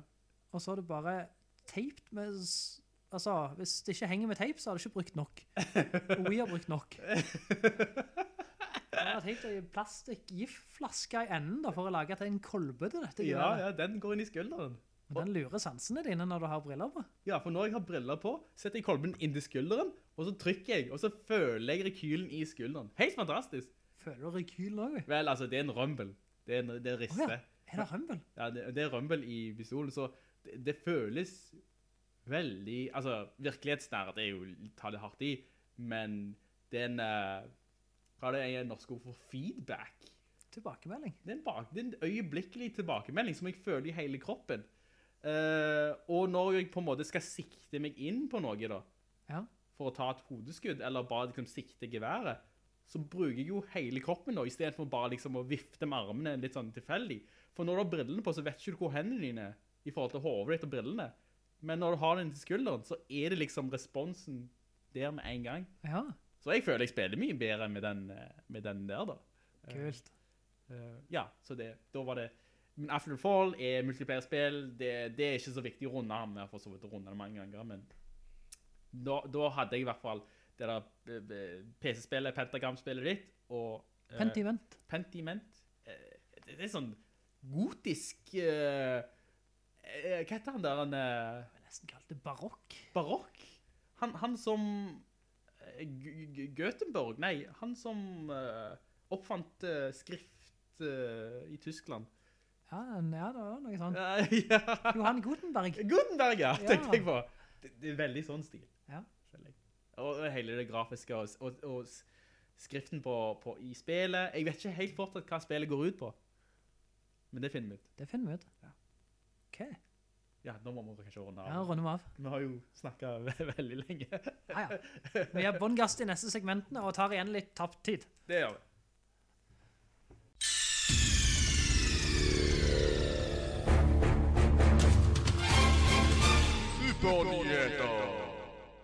Velkommen til Supernyheter. Mm. Det sa vel kanskje introen for oss. Ja, ganske sånn kraftig òg. Ja, men den hørte ikke jeg nå. Men den kommer liksom i ettertid. Ja. Det føles litt som å ta opptak med en sånn green screen. Det er magien med postproduksjonen. Ting bare dukker opp eh, der du ikke ante det var. Hæ? For alt jeg ser nå er Malaco, Gotteskål og Tuborg Lite eh, bringebærøl. Ja, det er ganske godt med øl med smak i, altså. Og så er det jo 30 mindre kalorier. Ikke at det er så viktig, men alle måneder drar, kanskje. Alle måneder drar. Ja. Jeg tenkte jeg skulle presentere to store nyheter, kort og gale. Mm-hmm. Den ene er PlayStation VR 2. Som er rett rundt hjørnet. Gis ut 22. i 2. 23, dessverre. Altså 2023. Men Hvorfor er det dessverre? Ellers har det vært 22, 22, 22. Ah, ja, ja, det hadde, det hadde vært fint tall. Ja. Ja, men 22. februar koster i Norge 6690 kroner. Det er jo en, ny- det er en, mas- altså, en konsoll, det. Det er prisen for en konsoll, det. Og vel så det. Ja. 7290 hvis du skal ha med det som blir på en måte hovedbestselgeren i, i eh, lanseringen. Og det er Horizon, Call of the Mountain. Å, ja, den, ja. For nå, mens på en måte dette her en eh, mafia- eller haispillet var trekkplasteret ved PSVR, Ja. så var det litt sånn demostørrelse. Ja, Mens stemmer. Horizon er et fullverdig spill, sier de. Og det kom forhåndstitter i dag, og, og folk er imponerte. Det føles veldig kult. Ja, det føles eh, som det, det er mer tyngde bak denne enn PSVR1 sin lansering. Veldig, sier de. Ja. Og det er også grunnen til prisen. Altså, når PSVR kom, så var det for den første VR-headsetet som var i, i gåseøyne billig, Mm. i forhold til de andre på den tiden. PSVR 2 er nå regnet som dyrt, og det skal være, mer være en sånn høyteknologisk greie. Ja. Det veier mindre, Mm. fordi det har ikke integrert høyttaler, det har kun sånne små ørepropper, men de følger med. Mm. Og kvaliteten på byggematerialet og alt skal være helt prima. Mm. Kontrollerne er nye. Ja. Du slipper lyspærene. Ja, ja, for det var PlayStation 3-teknologi i PSVR1. Ja. Ja. Så, så dette, eh, de som har prøvd å si at dette her er mange steg fram.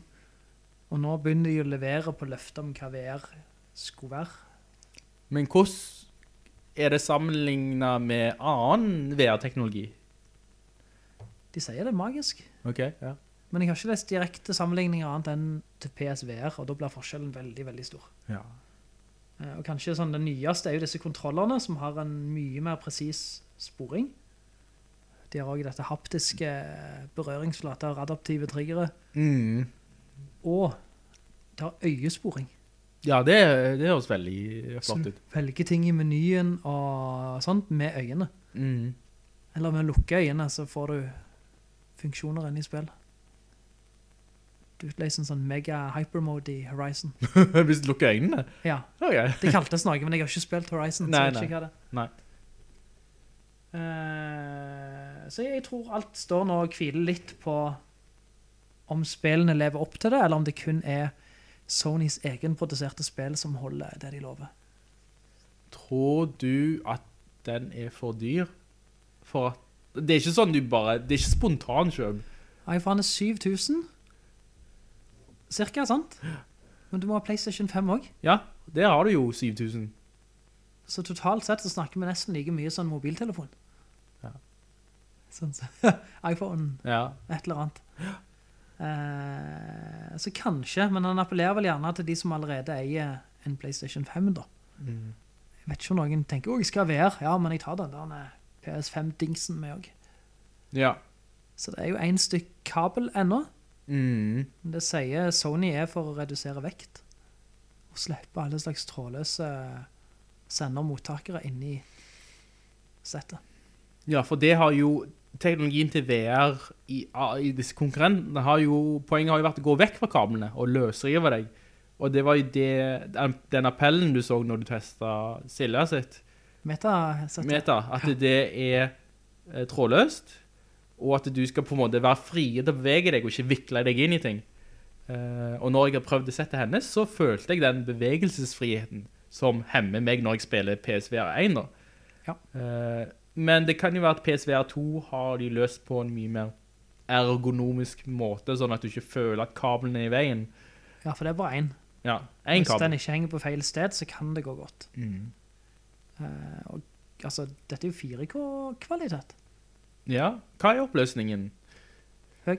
Høy. Jeg har ikke Eh, notert meg det. Jeg har sett noen tall, men det sier meg ikke så mye. Men problemet med kan du si, gammel eh, VR-teknologi er jo at skjermen er jo rett opp i øynene dine, og jo, altså, jo mer uskarpt det blir, jo eh, mer forvirret blir jo hjernen din. Altså, det gjør vondt. Folk kan jo få hodepine av uklare skjermer. For hvis du, s- hvis, det er ikke som å prøve å lese noe når det er for nærmt øynene dine. Ja, det er som å gå og myse hele dagen når Ja. du egentlig burde hatt briller. Men jo skarpere det er, jo bedre er det jo for øynene. Så kanskje de har løst dette, da. Det tror jeg. Med sånn Langt på vei. Ja.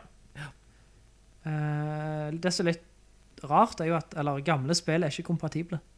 Nei, det er sant, det. Så en del av de har en gratis oppgradering.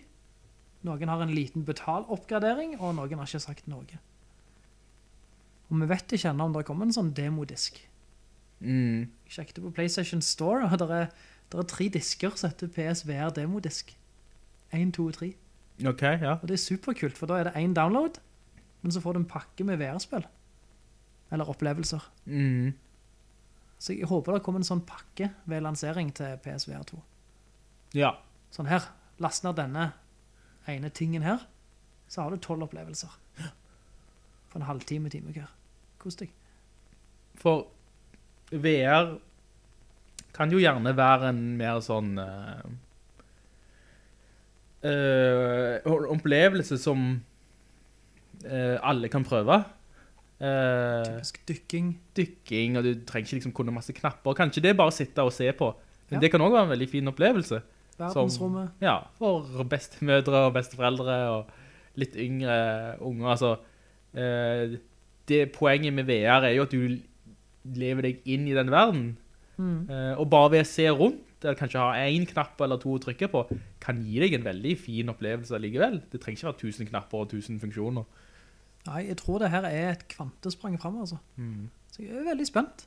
Mm. Jeg skal ikke punge ut 7000 kroner, Nei, men jeg har gjerne lyst til å bli kjent med en som har gjort det. Så jeg kan få lov å teste det. Eh. kanskje det blir meg. Du har Eh, ventet så lenge på PlayStation 5 og at du bare flesker til så det holder.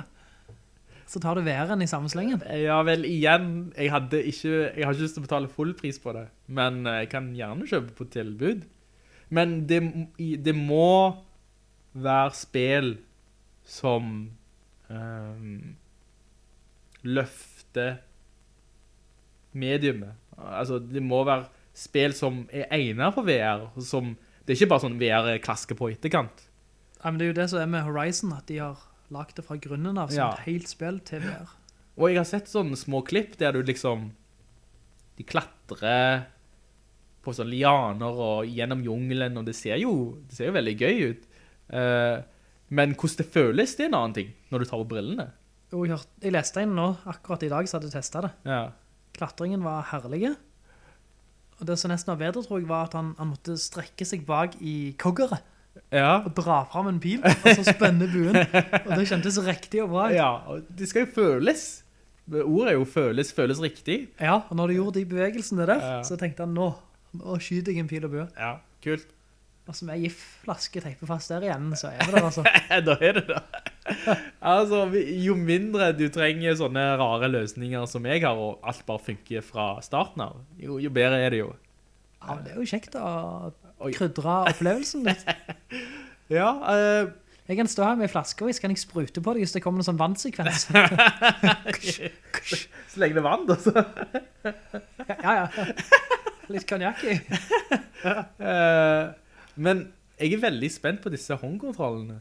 Eh, De ser jo futuristiske ut, med dette runde designet sitt. Ja, for, for eh, disse håndkontrollene til konkurrenten, altså de er jo blitt så avansert etter hvert at den leser fingrene dine selv når du slipper tag eh, på andre konkurrenter. da. Oculus. Ja, for eksempel. Eh, og det er liksom, du holder ikke en kontroll lenger, du holder jo på en måte i, sånn, du kalte det for sykkelstyret.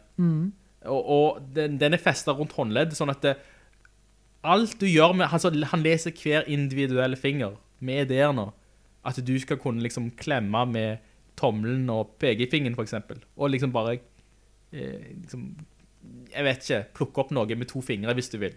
Vi er liksom på fingerspissnivå. Ja. Eh, og jeg vet ikke om PSVR2 er på det nivået. Ikke så vidt jeg vet. Nei.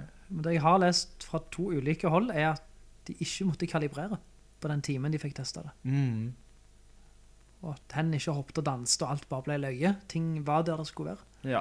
M- Trenger du kamera? Nei. Sensorer i rommet? Du trenger eh, kun kabel til PS5. Ja. Resten sitter i kontrollerne og i headsetet. Ja, for jeg mener at PSVR 2 har kamera innad og utad. At han, altså, han leser øynene dine, men han også leser også rommet, Han leser rommet òg, ja. OK. Jeg eh, har mener jeg. ikke fått med meg det stemmer nok. Jeg tror det. For det er i hvert fall de fleste nye VR-briller har jo kamera utad, sånn at han leser rommet, og at han klarer å lage et spillerområde for deg. Ja, det var fint. Eh, sånn at det, hvis du kan være at du kommer borti ting, så gir han deg en advarsel. Eller at du på forhånd eh, liksom markerer i rommet ditt og tegner opp et spillområde. Sånn at det, så lenge du er innenfor der, så, så er- har du det gøy, men hvis du nærmer deg kanten, så får du en type advarsel. Sånn at du ikke snubler i hunden din eller i, i veggen eller noe sånt. Ja. Eh, ja. Men det er òg veldig fint å slippe sensorer, ting. Du plutselig må, du må rydde halve stua for å få plass. Eller liksom det er 18 kabler, og så må webkamera stå oppå TV-en din, og det er nok en ting å tenke på.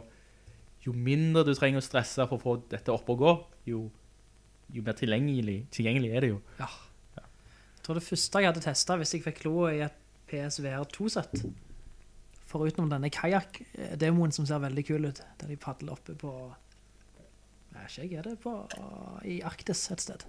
Den har jeg ikke sett. Det ser kul ut. Så er det Moss-spillene. Og de vet jeg blir oppgradert til PSVR 2. Er det han musa? Det er musa. Ja. De, de ser bare så koselige ut. Men han her, eh, roboten, hadde ikke han Astrobot. Han Ja. har ikke hatt eget. Et VR-spill, eller Nei, VR. han, han, det var jo et spill som fulgte med maskinen. Ja, Astrobot han sitter jo inne i PlayStation 5 når det får han. Mm, mm. Innebygd. Ja. Ja. Eh, men han har ikke et VR-spill planlagt, har han? Jo. Han er, ja. Ja, ja. Så bra. Men jeg tror ikke jeg har hørt noe om denne, men jeg mener jeg har lest at han har et VR-spill. Ja, For han hadde et spill på PSVR1 som jeg testa så vidt. Jeg har ikke spilt det. Men jeg har hørt det skal være veldig bra, da. Kanskje det er en oppgradering av det, det vet jeg ikke. Men vi må videre, Oi. Vi hopper videre. Masse drama. Oh, drama Det er greit å lese. På avstand så er drama greit. D- D&D, drama Dungeons and Dragons. Ja. Hele greiene er Wizard of the Coast, som har rettighetene til Dungeons and Dragons rollespillet. Mhm, De har nå oppdatert lisensen sin. mhm. Og med de oppdateringene, eh, eller de har ikke oppdatert den, der har lekt et notat om ønskede oppdateringer. Og kort fortalt, det de ønsker å gjøre er å begrense andres kreative frihet når de lager ting basert på D&D-universet og D&D-motoren. Det høres ikke, Regelsettet. ikke bra ut. Nei. Så Wizards of the Coast sier ja, men da eier vi åndsrettighetene, og da skal vi ha pengene. Iallfall stor del av de. En sånn ressurs mange bruker, DND Beyond, Mhm.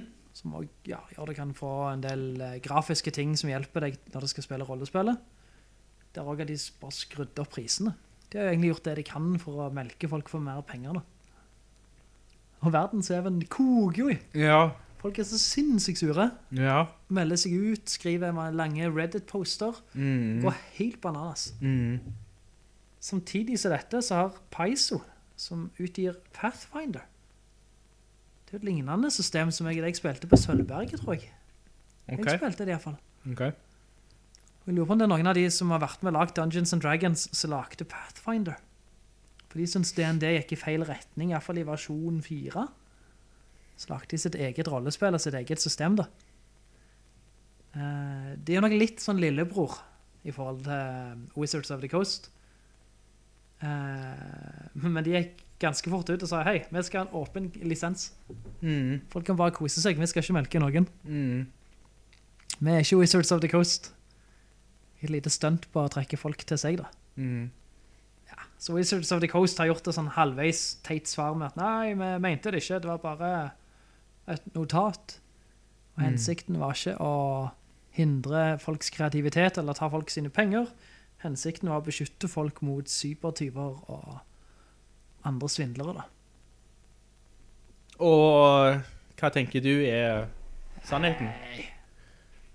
Lukter det svidd, så har det brent et sted, tenker jeg. Du tenkte de skulle tjene litt penger nå? Ja, det tenker jeg. Ja. Eh, men sånn, ok, nå har folk klikket mongo på nettet.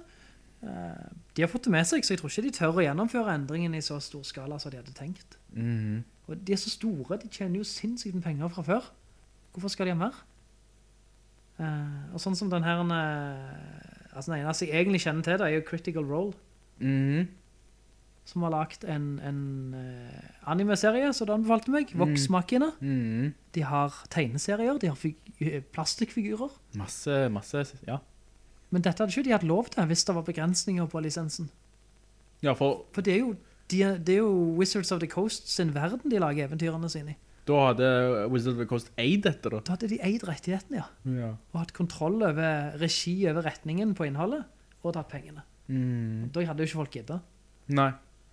Eh, så vi håper de roer seg. Ja. Og egentlig så hadde jeg tenkt jeg må si en fin ting om Wizards of the Coast. Litt, litt eh, s- Mye salt og litt søtt nå. Ja, Ja. for jeg så nettopp Avatar 2 på kino. Ja. Kongefilm. Litt langtrukken i slutten, men greit nok. Mhm. Family. Family. Familien holder sammen. Eh, og da så jeg reklame for Dungeons and Dragons-filmen. ja. Honor Amongst Thieves, eller noe sånt. Mhm. Mm. Og den så bare gøy ut. Det var bare fanter og røvere på eventyr. Og jeg følte virkelig Dungeons and Dragons tabletop-opplevelsen i den traileren. ja, for det må være det må, De må ha glimt i øya. Ja, det var, det var rølp. Ja. Det var pølp, som det heter på engelsk. vel. ja. Og, og det så løye ut. Det må Altså, hvis de tar seg sjøl for seriøst Altså det, Nei, det var ikke seriøst en plass. Nei, nei, det, det er virket veldig meta. Og... Ja. Dette er ikke Ringenes herre. Nei, det er en filmatisering av et ekte rollespill, mer så det ut som, der Ja. folk tøyser og fjaser. Ja, ja. Det kan bli skikkelig gøy. Ja. Ja. Så det, jeg gleder meg til filmen, og jeg håper de snur, for jeg, jeg liker jo Dungeons and Dragons. Så de har skapt, så jeg håper de forvalter det på en god måte nå. Det var det jeg ville si om D&D. Har du noen nyheter? Ja, jeg har eh, litt av hvert. Kjør på. Eh, ehm,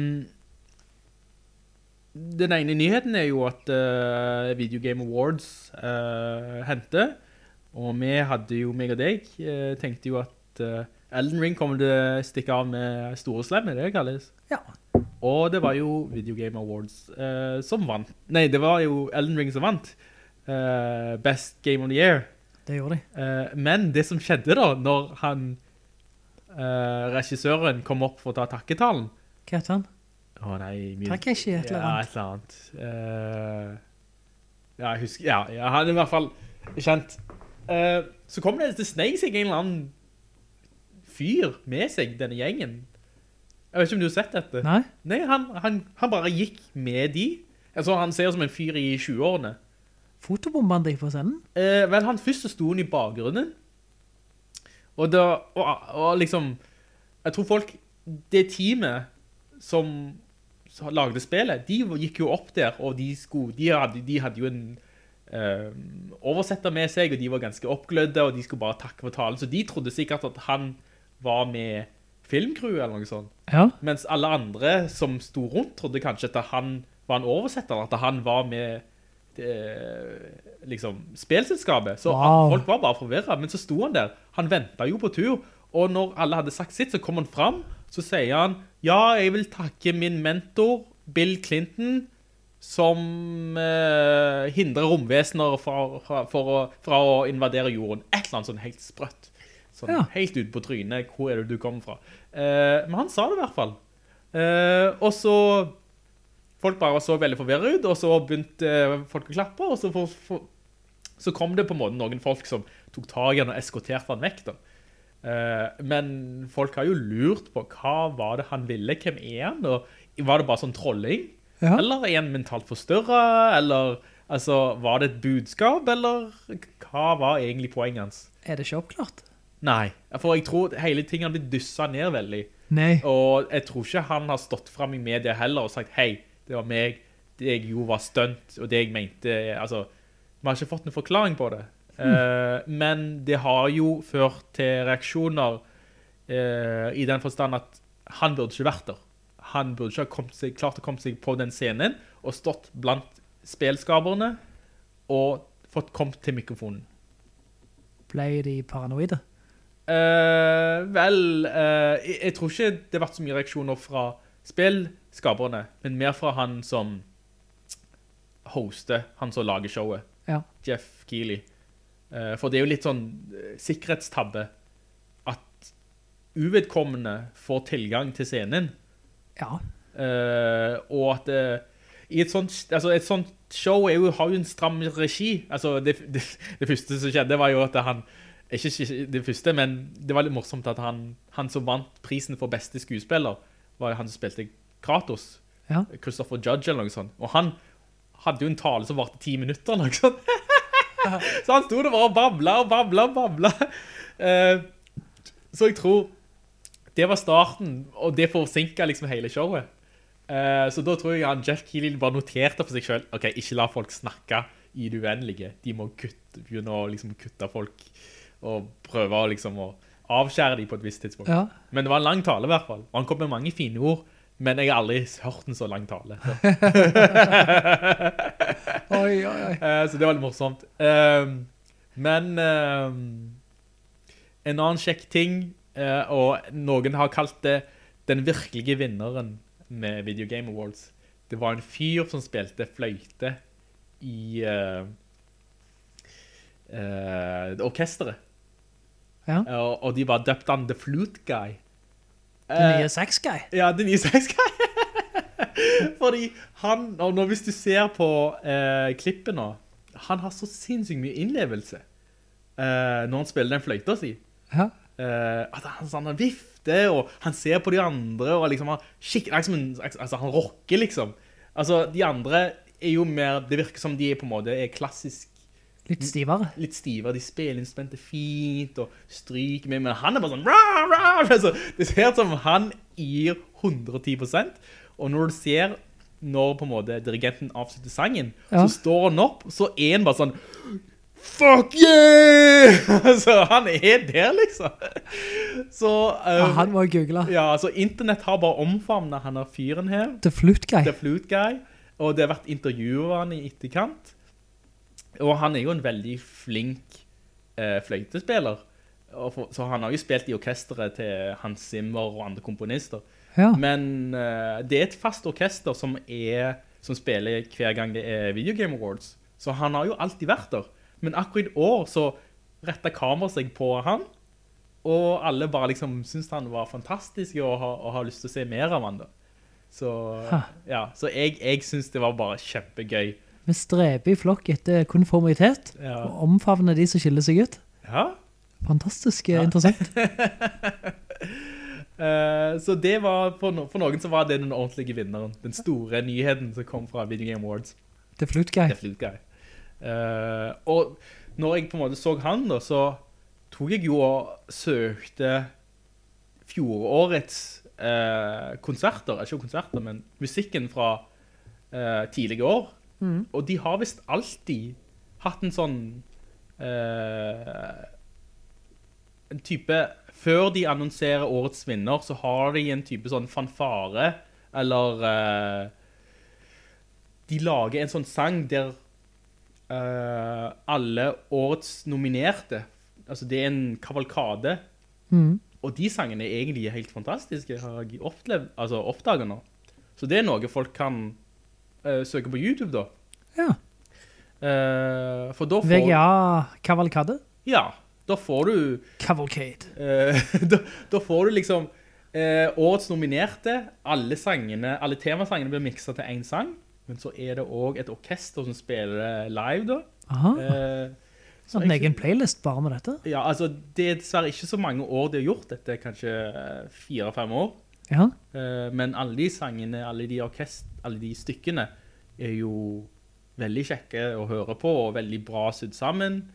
Ehm, så håper jeg at, eh, at neste år så fortsetter de med det samme. Ja. Og at eh, Video Game Awards, det er jo, det har blitt en tradisjon nå.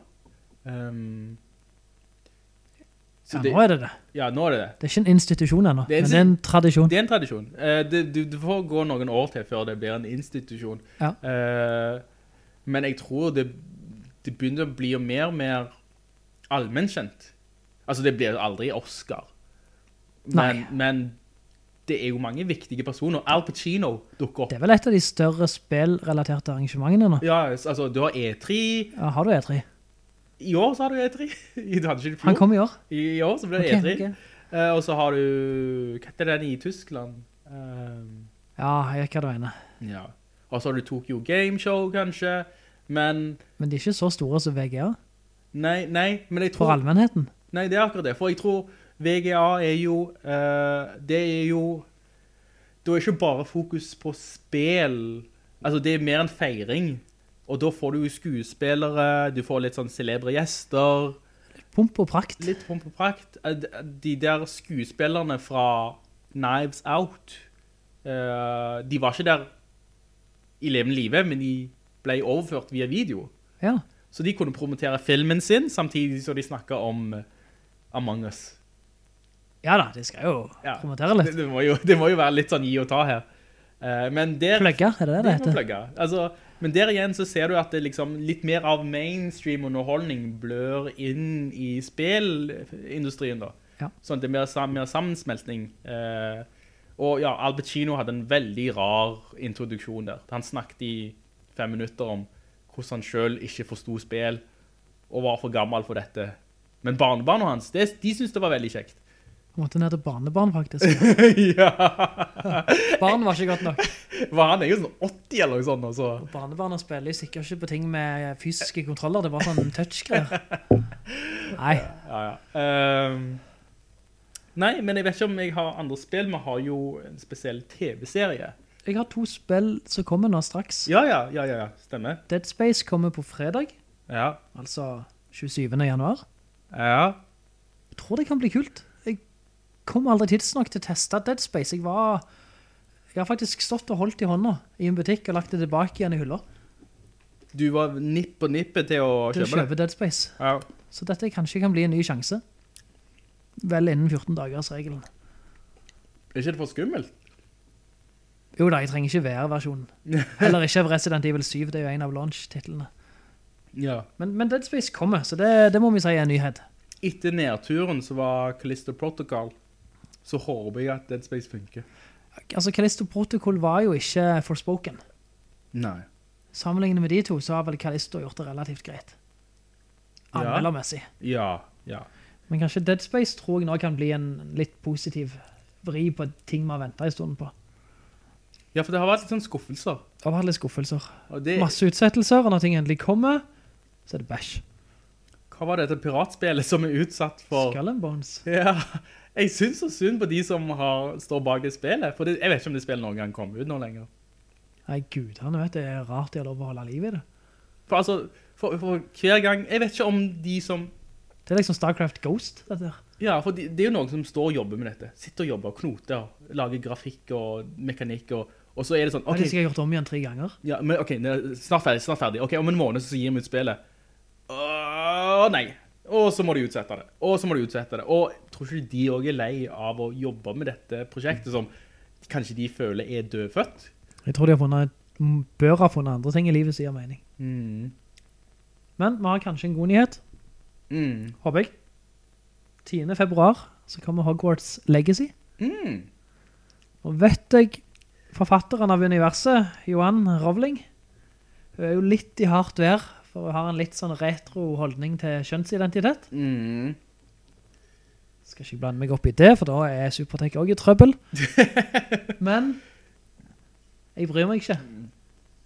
Produktet er en ting, mennesket er en annen ting. Ja. Det finnes dårlige mennesker som lager, lager bra produkter, og som lager bra univers. Mm. Jeg kommer til å nytte dem. Mm. Det finnes fantastisk flotte, fine mennesker jeg gjerne skulle ha mangedoblet her på jorden, som lager skikkelig ræva produkt. Og da kommer jeg ikke til å nyte produktene deres, om de aldri er så fine mennesker. Mm. forfattere, filmskapere og spillskapere som lager ting som ikke funker, kommer jeg ikke til å bruke. Du mener produktet må Tale for seg selv. tale for seg sjøl? Knut Hamsen har skrevet gode verker. Har ikke han nazist eller et eller annet sånt? Han har skrevet gode verker. Mm, Personen er en ting, produkten er en annen ting. OK. Og han får ikke de pengene uansett nå. Hvis Nei. du kjøper Markens grøde eller noe. Ja. Kan du sette pris på Hitlers kunstverk? Ja, nå tar man litt langt i. La oss holde oss til, til, til rolling her. Altså, Han var jo en type sånn amatørkunstner. Eh, Nei, vi går ikke der. Vi går ikke der. Men langt på vei i hvert fall. også. Eh, ja. Så skal jeg nyte eh, kunstverket for det det. er. Og jeg gleder meg litt til Hogwarts Legacy. Du skal kjøpe Hogwarts på, på, på, hvis du finner en Jeg bruk? har det jo ikke travelt, Nei. men, men jeg gleder meg. Jeg, jeg gleder meg også til å høre om det, og se hvordan folk reagerer på det, og høre folk prate om det. Og Ja. så kan jeg slå kloa i det selv. Når det kommer på Finn. Ja. Eh, og det jeg har lært er at du begynner ikke på år 1, så du slipper tutorial-årene. Ja. Du begynner i år 5, mener jeg. Ja. Du, du begynner der det er action. Eh, ja. Så det, det blir kult.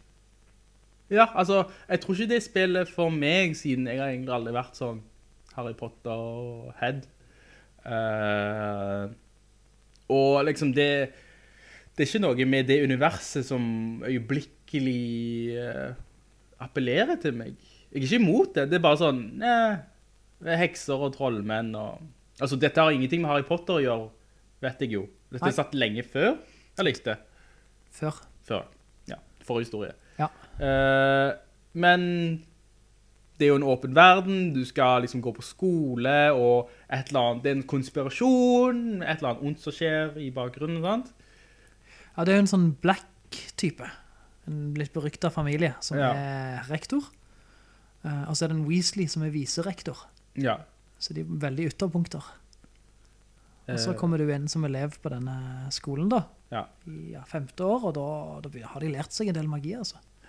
Jeg har jo sett litt sånn eh, folk som har testa det og gitt sin liksom, mening. Eh, det ser jo, altså, jeg ser jo at det er et velprodusert spill.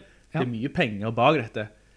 Men det er ingenting som akkurat nå at jeg føler jeg må spille det.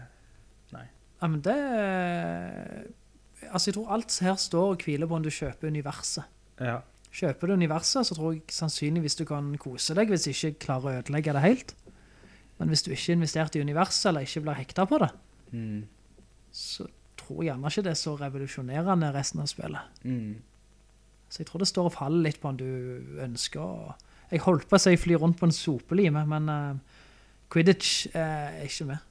Det skulle visst eh, være et eller annet som var i nærheten. Eller du skulle Jeg leste en overskrift om Du må at punge ut litt ekstra for det, OK.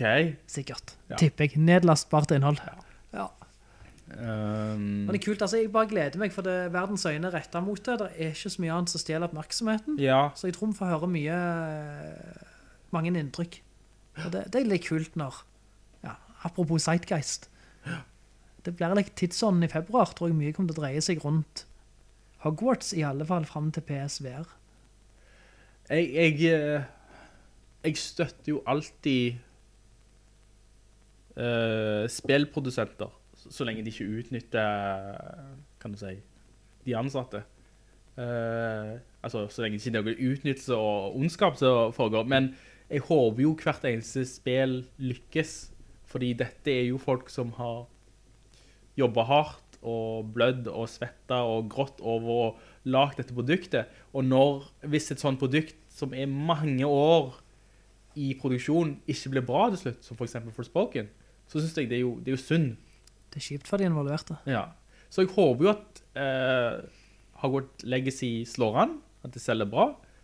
For det er jo bra for industrien, eh, og bra for spillkultur. Eh, men det, altså, det er ikke et spill for meg, men jeg håper jo alltid at, at eh, spill lykkes. Ja, så er det jo to sider. Det ene er jo å spille spillet, og det andre er jo kulturen, podcastene, YouTube-videoene, alt som dukker opp rundt. Mm. Så jeg tror det blir interessant å følge med på uansett. Mm. Nå, nå har jeg jo lest liksom kronikker og litt sånn, folk har ulike meninger om, om hun her forfatteren, og noen f- forbinder altså universet veldig med hun, og velger å boykotte spillet, mens andre er litt sånn som deg, og ser det som se- to separate ting. Det er ikke så dryge ting å ha sagt til det der, da. Eh, jeg tror det er mer ting hun har, personer hun har alliert seg med, Er det mer personlig? ja? som Hun vil at kvinner skal være kvinner, og menn skal være menn. Ja, men- ja. eh, men hun, ja, som du sier, hun hadde veldig sånn gammeldags syn på at eh, Det var helt greit for åtte år siden. Det eh, er jo ikke et 50-tallssyn du har. Nei, Verden har gått litt forbi nå. ja, det har det. Men altså, det er jo Sånn som jeg tolker det, så er det eh, veldig tydelig på at hun har ikke Hun har valgt å stå på sitt synspunkt, og hun er ikke villig til å eh, følge med eh, på nyere Om du kaller det syn på kjønn og identitet. Eh, men så har hun òg liksom støtta om mot mer ekstreme personer og ekstreme påstander. Da. Og det liker ikke folk. Nei, det er å dra det litt lenger. Ehm, men ehm, Ja, altså det, blir, sikk- det kan jo være det blir et veldig bra spill, men det er nok Hun har nok mista en del fans og lesere og kanskje spillere eh, på veien her. Eh, Og Jeg vet han Rune Fjell Olsen sa at dette var så vanskelig å forholde seg til at han visste ikke hva han skulle gjøre med dette. her. Nei, så vanskelig er det ikke. vel, Hun, altså, hun får ikke får, eh, får, Hvor mye av de pengene får hun? det vet jeg ikke. Sikkert noe, men Ja, spillutviklerne får sikkert mesteparten. ja altså og, Ok, alle, de- sånn som du sier, alle disse har puttet en tusenvis av timer i dette her. Ja, fordi det var Rowling som fant på verdenen, så skal ikke de få til salt i grøden. Ja, Nei, ja det, ta produkt for det det er, altså. Der er jeg pragmatisk. Ja, altså, jeg, jeg synes det er vanskelig med sånne eh, moralske eh, standpunkter. For eksempel dette med fotball-VM i Midtøsten, og ja, skal du se på, skal du ikke se på, skal du støtte det, skal du boykotte det? Eh, Ja, det boykottet jeg jo for øvrig. Der så jeg ikke ett minutt. ja. Men det gjorde meg ingenting heller. Eh, Nei. Det er greit. Ehm, men vi får se Det er en mer clear-cut case enn Rowling Rowling. til Harry Potter, Mm, vi, altså tv-spill. ja. Det- Det går gjennom noen ledd før det går tilbake til Rowling her. Ehm, jeg vet ikke om For altså, det fins jo eh, nyere filmer i satt i universet, men jeg vet ikke om det har satt, skapt like mye rabalder.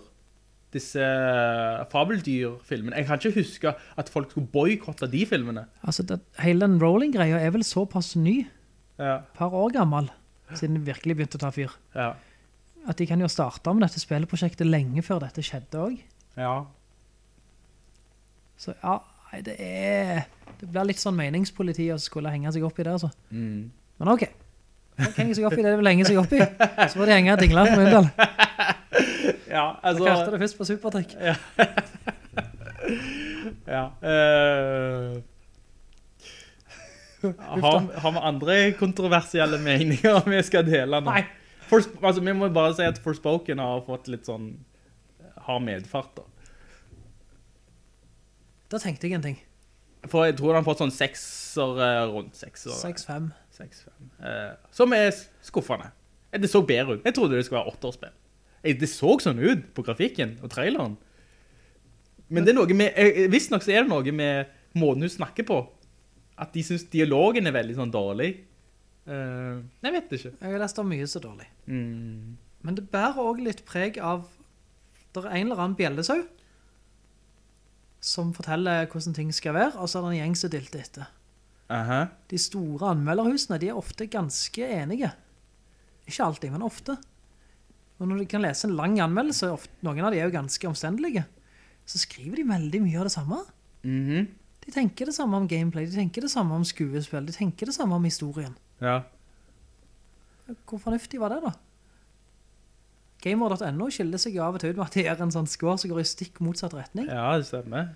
Og det synes jeg er litt kult. Så vi skulle sett litt mer sånne blinde anmeldelser.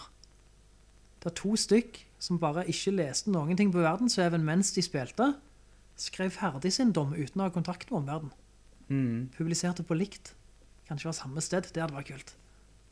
Men tror ikke du at anmeldelser blir skrevet uavhengig av hverandre? Usikker. Usikker. For Jo, jeg tror ikke de har kopiert hverandre sin tekst, Ja. men de kopierer hverandre sin stil. Ja. De kopierer hva de ser etter, Ja. Og kanskje de driver og sier ting på Twitter, og, og debatten lever jo på internett. Så en del inntrykk er allerede skapt før det endelige produktet kommer. Og det har folk blitt enige om. Sant? Inntrykken av Forspoken Kul idé, men oi, oi, oi, har de sagt når det har kommet demoer og visninger. Hva er dette for noe? Og akkurat det sier anmelderen òg. Jeg tror folk er litt farga, og jeg skulle sett litt mer variasjon. Nå kan det jo være at et spill bare er unisont likt, og et spill er unisont Folk er enige om at dette er drit. Men jeg skulle sett litt mer selvstendighet og litt mer egne veier i anmeldelser. Og der jeg oftest ser det er faktisk hos gamer.no, der jeg synes de gjør en glimrende jobb der. De har noen sære uttalelser av det. Jeg husker ikke hva som var siste tilfelle. Men det hender de liker spill som andre ikke liker, og motsatt. Ja, det stemmer. Det, det er ofte jeg jeg, jeg finner meg ofte enig i igjen alle de store sine eh, meninger, da, og uenig i gamer.no sin mening. Eh, jeg vet ikke hva det sier om meg. eh, Men det vi skulle gjort da, Win, når du, neste gang du skal spille et spill, mm, pass på at du ikke leser en dritt om det. ja. Nada. Det er vanskelig. Ja, ja. Jeg er jo der hver dag. Ja, men da må da må du ikke. Og så, det kan ikke være et langt spill, sant? Og så spiller du det, Wii. Og så skriver du ned inntrykkene dine. Og så ser vi hvordan det slår an. Ja, men hva spill skulle det vært? Jeg, jeg følger jo med på Ja, du må bare vite at dette spillet har jeg på radaren. Det koster meg kanskje maks 20-30 spilltimer. Og så skal jeg ikke Nå lese skal jeg om faktisk, du skal jo spille det tidlig, ja. sannsynligvis. Ja. Men jeg skal ikke lese om det. Jeg kan lese, du kan lese så mye du vil om det etterpå. Det er vanskelig, da. Ja, det hadde vært et kult eksperiment. Ja, jeg- ja, det er jo fint eh, tankeeksperiment. Men det krever ganske mye av meg. Og, og, det- å, en nyhet. Å, jeg skal ikke se på den. Ja, Eh, og det tror jeg de gjør av IGN-gutta også, ser du. mm, Og de er enda mer oppdatert på all slags eh, Insta-chatter som driver og plinger, plonger hele veien. ja, du stoler ikke helt på de, du. Det er ikke en plass. Vi har vært inne på både gamle Erik og gamle Eriks eh, yngel. Ja. Så nå må vi gå til søskenbarn og tremenninger, og der tror jeg eh, Insta-chatten ligger. ja. Ja. Det høres ut som en konspirasjon, altså. Det er ikke konspirasjon, jeg tror bare ikke det er godt for nudda. Ja. Ikke bra. Men vi tar nå er vi inne på nyheter, vi. Ja, Skal vi gå over til Last of Us? ja for det er jo en veldig god nyhet. Ja, det er en fantastisk nyhet. Light on the reading, but it's got some interesting photos. Ellie, that ain't for kids. Whoa! How how the hell would he even walk around with that thing? Get rid of Look, that. hold Just- your horses. I want to see what all the fuss is about. Oh, why are these all stuck together? Um. I'm just fucking with you. Bye bye, dude. Eh, Jeg har sett episode 1, jeg har sett episode 1 og 2. og jeg synes episode 1 var helt konge. Og den, Jeg synes det introduserte verden i fint tempo, på fin måte, med, f- med følsomhet. mm, Eneste jeg intuitivt reagerte på var at Ellie både så ut og oppførte seg enda litt frekkere enn jeg husker henne. Mm. Det kan være farget av at jeg merker forskjellen fra Ellie i Last of Us 1 og Last of Us 2. Mm. Men jeg husker henne nok som litt mer uskyldig enn det første inntrykket hun gir meg i serien. mm, litt mer dra til trynet mm, enn det jeg synes jeg husker det. mm. For jeg var spydig, men med glimt i øya. I spillet? Ja, Ja. jeg var liksom litt mer sånn bare spydig. Ja. Ta deg i boller, liksom. Ja, kanskje hun mykner opp litt. Ja. Men det var det eneste jeg tenkte var litt annerledes enn det jeg husker. Og Mm. det er vage minner, for det er lenge siden jeg har spilt spillet. Så jeg bare tok meg selv i å lure, så han var, jo- var jo så hissig. Ja. Ellers er jeg solgt. Ja, jeg er solgt. Du har sett to episoder. ja. Eh, første episode var jo 1 time 20 minutter, og det er jo en type sånn mini-kortfilm. Det er fint når du skal inn i et nytt univers og Mm. Ja. få den gode introen. Ja, jeg, jeg synes han fortjente, altså den første episoden fortjente 1 time og 20 minutter. Noe kortere hadde vært vanskelig. Da måtte de sluppe to eller tre Mm. episoder på en gang, så du rakk å sette deg inn i det. Men det var liksom første episode, så da er du inne i det. Du blir introdusert. Det blir rart å kutte det midt i der. Bare sånn, å, vent til neste uke, så får du se fortsettelsen på hvordan verden endte. Eh. Ja, for de har mye de skal si i første episode. Ja. Så det synes jeg var helt fint, at eh, første episode var lengre, og så nå andre episode på rett under en time. Og det synes jeg de skal fortsette med, Ja. eh, i, i det formatet. For andre episode, eh, Da, altså rett under en time. ja, 55 minutter omtrent. Er det der de skal ligge nå? Jeg tror det. Ja. Men det, det, det finnes jo andre HBO-tv-serier som har variert veldig også. Eh, Game of Det er jo ikke Thrones kult. Ja. varierte. ja. Plutselig var det 1 time 20, plutselig var det 40 minutter. Altså det.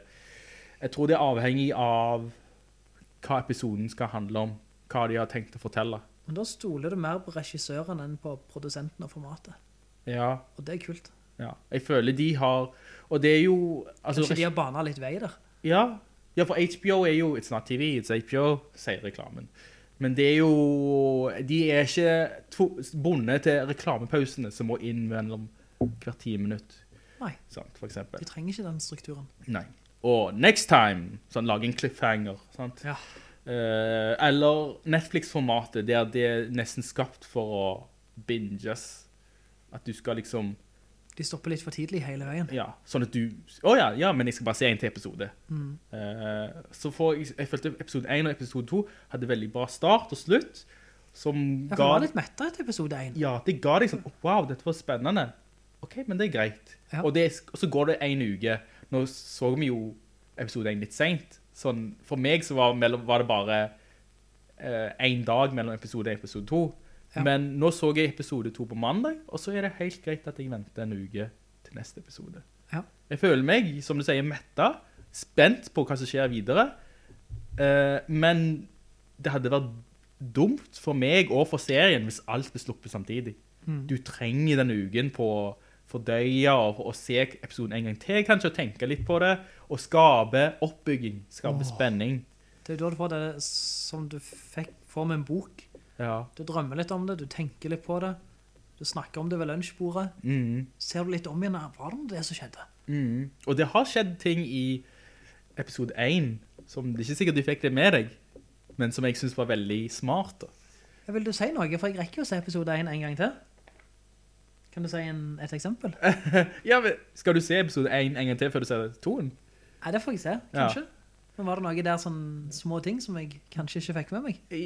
Ja, Så må jo du nå trykke på pause eller spole litt på, på du, jeg kan... enheten din da, hvis du ikke vil høre det. Altså, kan jeg bare si det rett ut, det det var? For det var veldig smart. Ja. Og det er at i begynnelsen... Vi kan bare røpe første episode, kan vi ikke? Jo, hvis ikke får folk slå av. Ja. Nå! Eh, første sekvens der eh, Joel er med datteren sin. Eh, så er det ingen vi som spiser brød. Ingen vi spiser gluten eller brødprodukter. Ok, Og det er noe i veten og i gjæren som soppen koser seg. som soppen koser seg i. For du ser gjentatte ganger når eh, for eksempel de skal bake kjeks, så er det sånn, åja, det er kjeks med rosin. Eh, nei. Det er på en måte, det er det bare i bakgrunnen, men alligevel så er det der. Og Joel skal egentlig kjøpe bursdagskake, men ah, shit, han glemte det. Ja, Så på veldig mange måter så unngår de å spise noe med vete i. Og, aha. men det kan du legge merke til nå. Og så får du en forklaring på det i episode 2. Da. Ja, for Du har ikke lest dette på verdensveven? Jo, det gjorde jeg. Ja, du la ikke merke til det du Jeg la selv? ikke merke til det sjøl, nei. Nei. Men når, når de sa det, så var det sånn Å, shit, det var smart skrevet. Ja. For de som, er, de som følger veldig godt med, så jo det. Men det er ikke sånn, det står ikke med stor skrift på skjermen, og det syns jeg er veldig smart gjort. da. For det var ikke sånn i spillene. Det var ikke så mye snakk om hvete i spillene. Nei, og jeg synes disse to forskerne som ble intervjuet i starten, Mm. altså de første to minuttene, det var så sinnssykt kule taler han hadde, han som satt der med sigaretten. Ja. Han som likte å si nei. Ja, ja. ja. Åh, Og det, det han sa var det, det er sopp vi skal frykte. Ja. Altså, Han var så kul, han fyren. Han- Og det var sånn god gammel dialog, så du kan ikke hvile på spesialeffekter eller noe. Nei. Alt ligger i hans evne til å fremføre den dialogen. Mm. Og han gjør det på sånn g- nesten gudfaren spektakulært vis, altså. Og det var liksom heller ingen tvil på hva skjer hvis denne soppen utvikler seg. Nei, da er vi- vi fucked. Ja, jeg ble veldig redd når jeg hørte den talen. Sånn, bare, oh, jeg følte liksom frykten. Da. Og jeg visste jo litt hva som kom, men han liksom han gjorde det til alvor.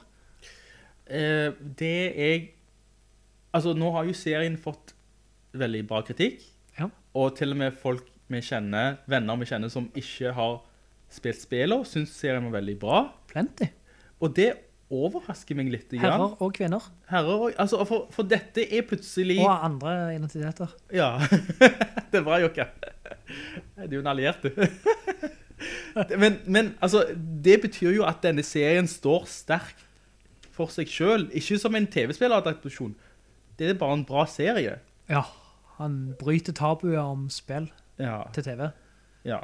Men, men det, Eller en dårlig trend, eller... det, det, så- det jeg lurer jo på, fordi meg og deg har spilt spiller, vi kjenner spiller, og d- jeg føler alt jeg ser på skjermen er sånn kult, kult, jeg kjenner det igjen. Ja, det er hun, det er han. Jeg ser hvordan dette funker. For meg og deg er det et kjent univers, men hvordan er det å se på det som med nye øyne, og ikke vite hva som skjer? Vi og deg vet nøyaktig hva som skjer. Ja, men vi kan jo ikke gjøre det på noen gang. Nei, Nei. men de ser jo på dette De kjenner ingenting. De vet ikke hvem Joel er, de vet ikke hvem Tess, og de vet ikke hvem hun her Ellie er, sant? Nei. Hun er bare ei, ei ung jente.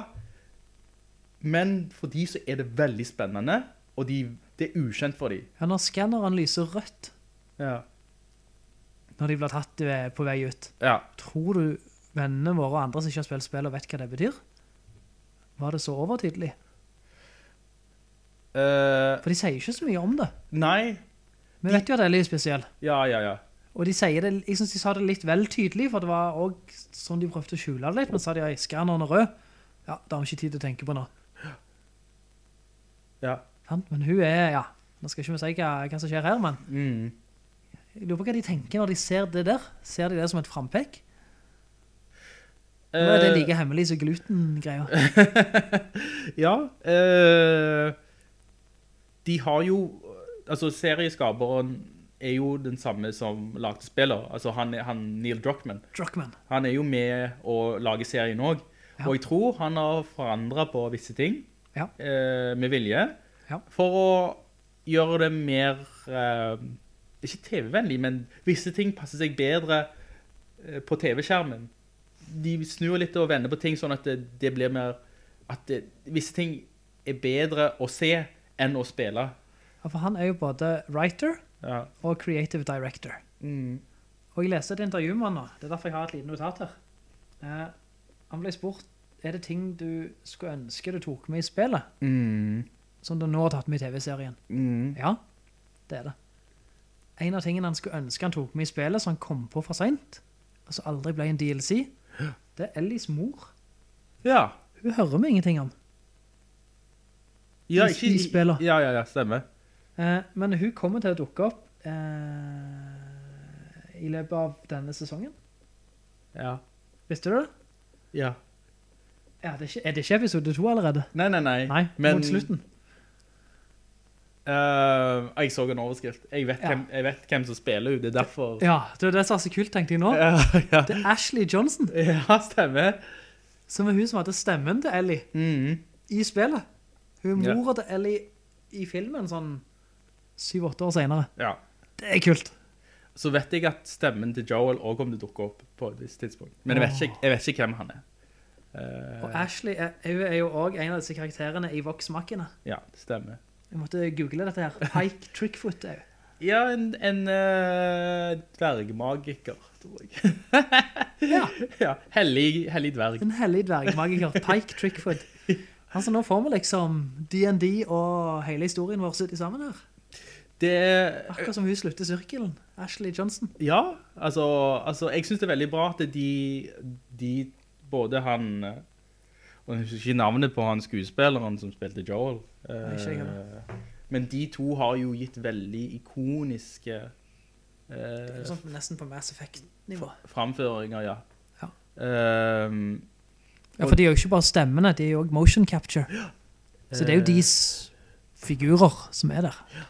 Det Så- er deres ansiktstrekk. det er jo bare og på sin plass at de òg får en får sin plass, altså At de også blir med i TV-serien, selvfølgelig. De kunne ikke spilt For de ser jo ikke ut som Joel og Ellie. Men jeg synes det var veldig bra at de f- også fikk plass i universet, det TV-universet. Ja. Um, Men jeg tror det er kanskje litt derfor han Druckmann har fått det så bra til også, for han har hatt en fantastisk kul idé. ja. Altså han satt seg ned med noen spillutviklere og tenkt, ok, hvordan kan vi sette ideen min til livet? Ja. Og så har han visst at, ok, dette blir ikke min idé, men det blir ganske likt min idé. Men det blir i spillformat. Mm. Og nå er han samme fyren med den samme ideen. Så han, ok, men nå skal vi ta ideen min til TV-skjermen. Og så har ideen modnes. Mm. Så ok, hvordan er det best å ta han inn i TV-skjermen? Og nå får han gjøre ting som han ikke fikk lov å gjøre i spillet, Ja. for det, det passer seg bedre. Ja. Så jeg tror det er kanskje derfor han klarer det så bra. Det er ikke et spill som er gjort om til TV. Dette er en idé som har blitt forsøkt formidlet i to ulike format. Ja. Og så er det visse ting som funker på det ene formatet, og så er det andre ting som funker i det andre formatet. Ja. Og jeg tror her ligger noe av nøkkelen, altså. Eh, altså, noe av grunnen for at jeg hater Halo-TV-serien var jo at de Den så regissører... jeg ikke, for jeg vet du blir så skuffet. Ja, altså, de som lagde TV-serien hadde jo som mål å ikke spe kjenne spiller. Ja. Ja. De sa, nei, vi skal ikke spille spiller. Nei, vi skal løsrive oss fra universet. Og det er noe av det dummeste du kan gjøre. Hvordan, hvordan, altså, de holder... De, Skal de bare ha navnet da? ja, ja, ja det, det virker av og til som om de hadde bare et generisk eh, science fiction-univers, og så bare stempla de Halo opp på det. Det var så fjernt ifra, he- fra, at det ser, fra det universet vi kjente. Men, mm, så jeg skjønner ikke tankegangen der. Men her så er jo de samme folka. De har lytt... Ikke sånn at de lytter til spillerne, men det er et univers som eh, spillerne liker, som, ikke, som spillerne kjenner. Og da skal du være forsiktig med å forandre for mye. Ja. For hvis du gjør det, så hvorfor skal du kalle det det samme hvis Joel plutselig skulle være eh, en muskelbunt og meg folk mer Rambo-style? Da er ikke det Last of Us lenger, sant? Jeg synes han skuespilleren er fantastisk kule. Ja. Nå kommer jeg ikke på hva han heter i farten. Eh, Lightbrow Dorn. eh, og, Det er- er det ikke eh, karakteren han Pedro Pascal. Pedro Pascal. Han er fantastisk, ja. Han er en dritkule fyr. Altså, Han jeg, er ikke typisk TV-tryne heller. nei, han har vært mye forskjellig. Det har Ja. han. Eh, og han er en veldig sånn Og han er ikke Henry Cavill på et vis, Nei. Det, hvis det det, gir mening. det som er morsomt er at han er også med i Mandalorian. Han spiller jo The Mandalorian. Ja, det gjør han. Eh, og der ser, du ikke, der ser du knapt trynet hans. Men der er, der, der er så mye avhengig av stemmen hans og kroppsspråket hans. Ja. Det viser at han er en veldig eh, allsidig skuespiller når han klarer å formidle så mye uten ansiktet sitt. Ja, Pedro er kul, altså. Ja. Han må jo være en nerd. Eller interessert i eh, nerdeting. Ja, altså... Men i når- nerd i positiv forstand. Eh, når, han Så har, klart. når han har vært i så mange kjekke prosjekter, som Star Wars, Game of Thrones, nå Last of Us, eh, så tror jeg at han eh, Altså han, han koser seg. Og han velger prosjekter som han eh, tror Altså som han vet har bra eh, pub publikum. Ja, nå mente jeg jo ikke å si noe stygt om Henry Cavill. Jeg synes jo han, er- altså, han er jo tilsvarende. Han er jo nerdekongen. Ja, men jeg lurer på om både han og Pedro kan bli litt sånne eh, skuespillere som vi kommer til å huske. Nå er jo Altså, Henry- Arnold ja. og Sly, hvem søren skal erstatte de? Nei. Nei, Men det, kanskje disse kan også sette sitt preg på tiden og de som vokser opp nå. det er sant. Nå er jo Henry Cavill 40, Warhammer 40K-kongen, da. Ja. Han har jo fått, på en måte, fått styre, fått hånd på roret på å lede det cinematiske, eller det Men har han det? filmuniverset. Ikke bare skuespiller. Eh, nei, jeg tror han skal liksom styre litt retningen dette skal gå i. Ja. Jeg, det kan bli veldig interessant, men jeg vet ikke om han er regissørtypen. Men han er blodhard fan i hvert fall. Ja. Eh, så jeg håper at 40K-universet kan få gode filmer eller TV-serier, for så langt har det vært litt, litt labert. Men jeg tror Pedro, altså bare sånn apropos skuespillerprestasjoner, jeg, Mm. tipper, jeg tipper han blir husket. Jeg tror han kommer til å være med i mye mer kult også. Eh, jeg husker at jeg ble litt overrasket over at han ble valgt til å spille Joel. Ja. Fordi Pedro er jo latinamerikansk eh, røtter. Jeg tror han vokste opp i Texas. Men han ser jo latinamerikansk ut. Og det, Ja da. sa- og det samme ser jo broren hans ut.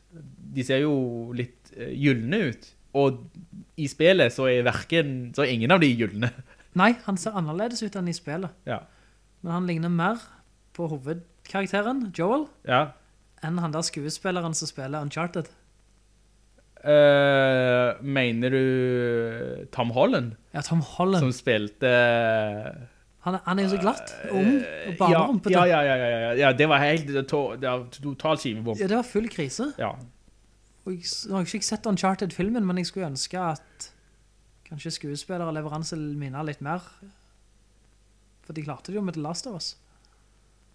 ja, Så hvorfor ikke med Uncharted? det er rart. Det, altså, når, du, når du først sier det, så begge, Samme skaperne, det er Naughty Dog. begge er Naughty Dog, ja. Men eh, det, det var ikke Neil Druckmann som sto bak eh, Det var ikke Neil Druckmann, og det er ikke sikkert de hadde den, som sagt, mannen med ideen, det er ikke sikkert han satt bak roret. Mm. Hadde han gjort det, så hadde han kanskje sagt, nei, vent litt, Nathan Drake, beklager, men, men han må være litt mer skjeggete og litt mer rufsete. litt eldre. Litt, Litt mer, eldre, litt ja, mer satt. Han, han kan ikke være noen gutt. Ja. Sorry.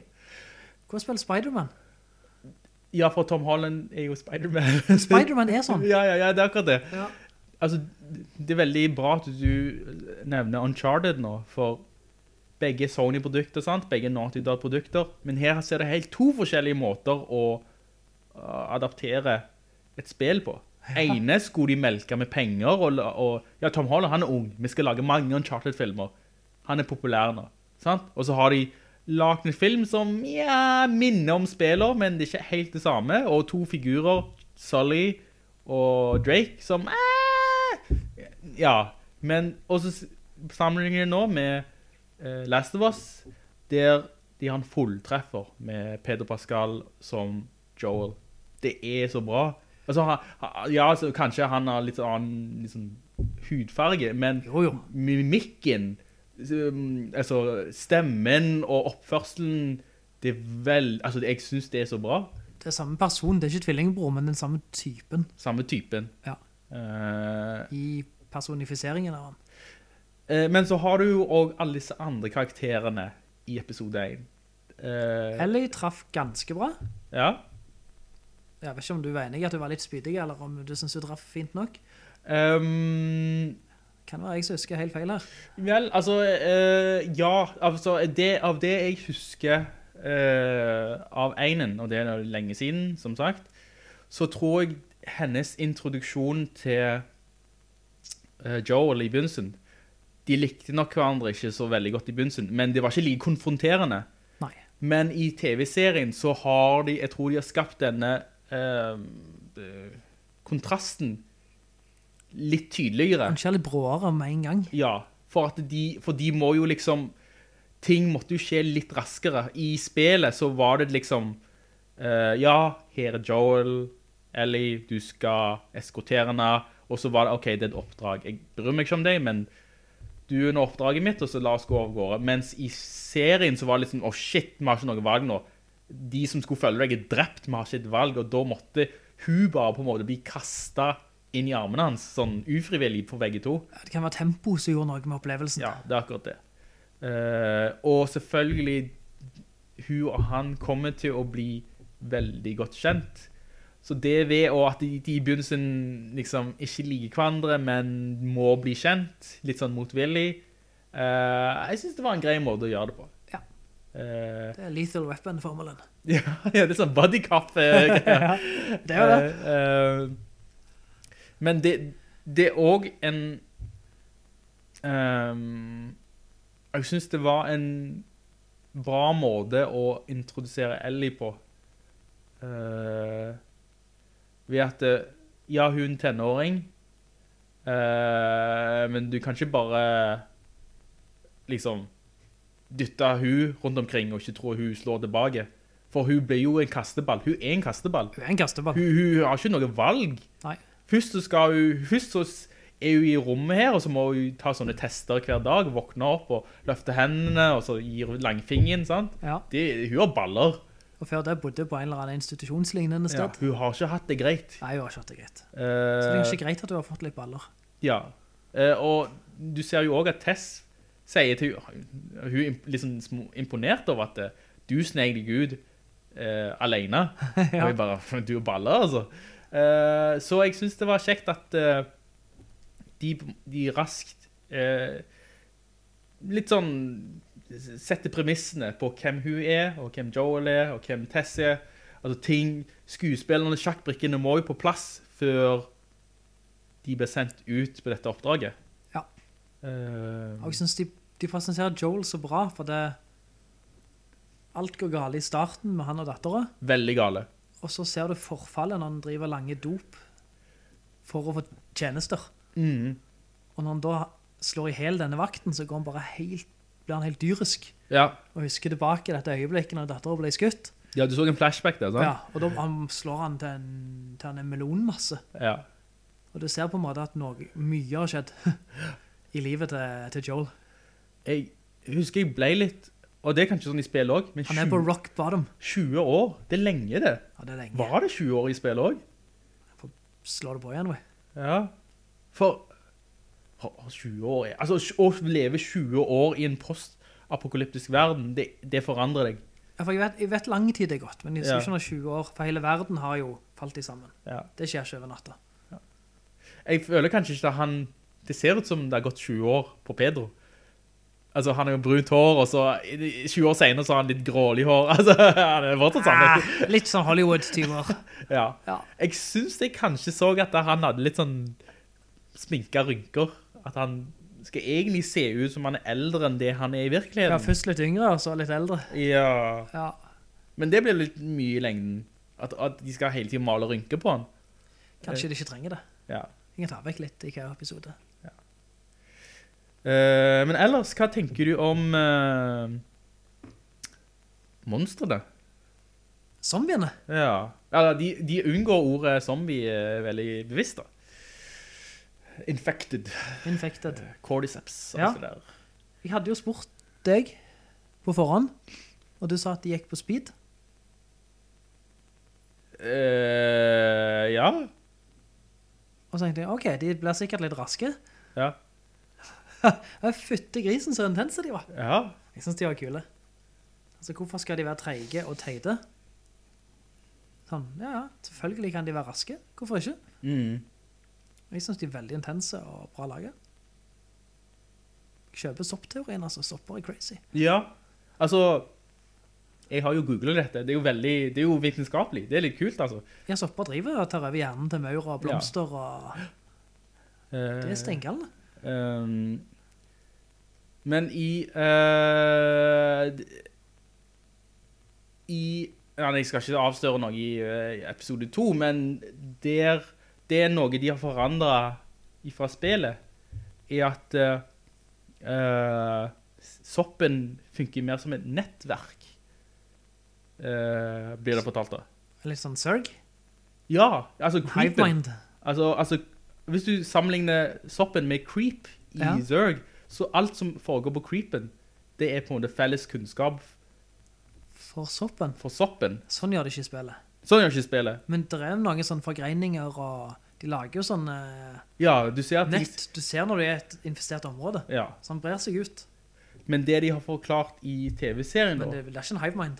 nei, men det i TV-serien så er det mer et fokus da, Ja. om at eh, hvis, du, for- hvis du forstyrrer soppen i et område, så kan en annen så forstyrrer det nettverket, og andre infected i andre områder blir bevisst på hva som har skjedd. Da.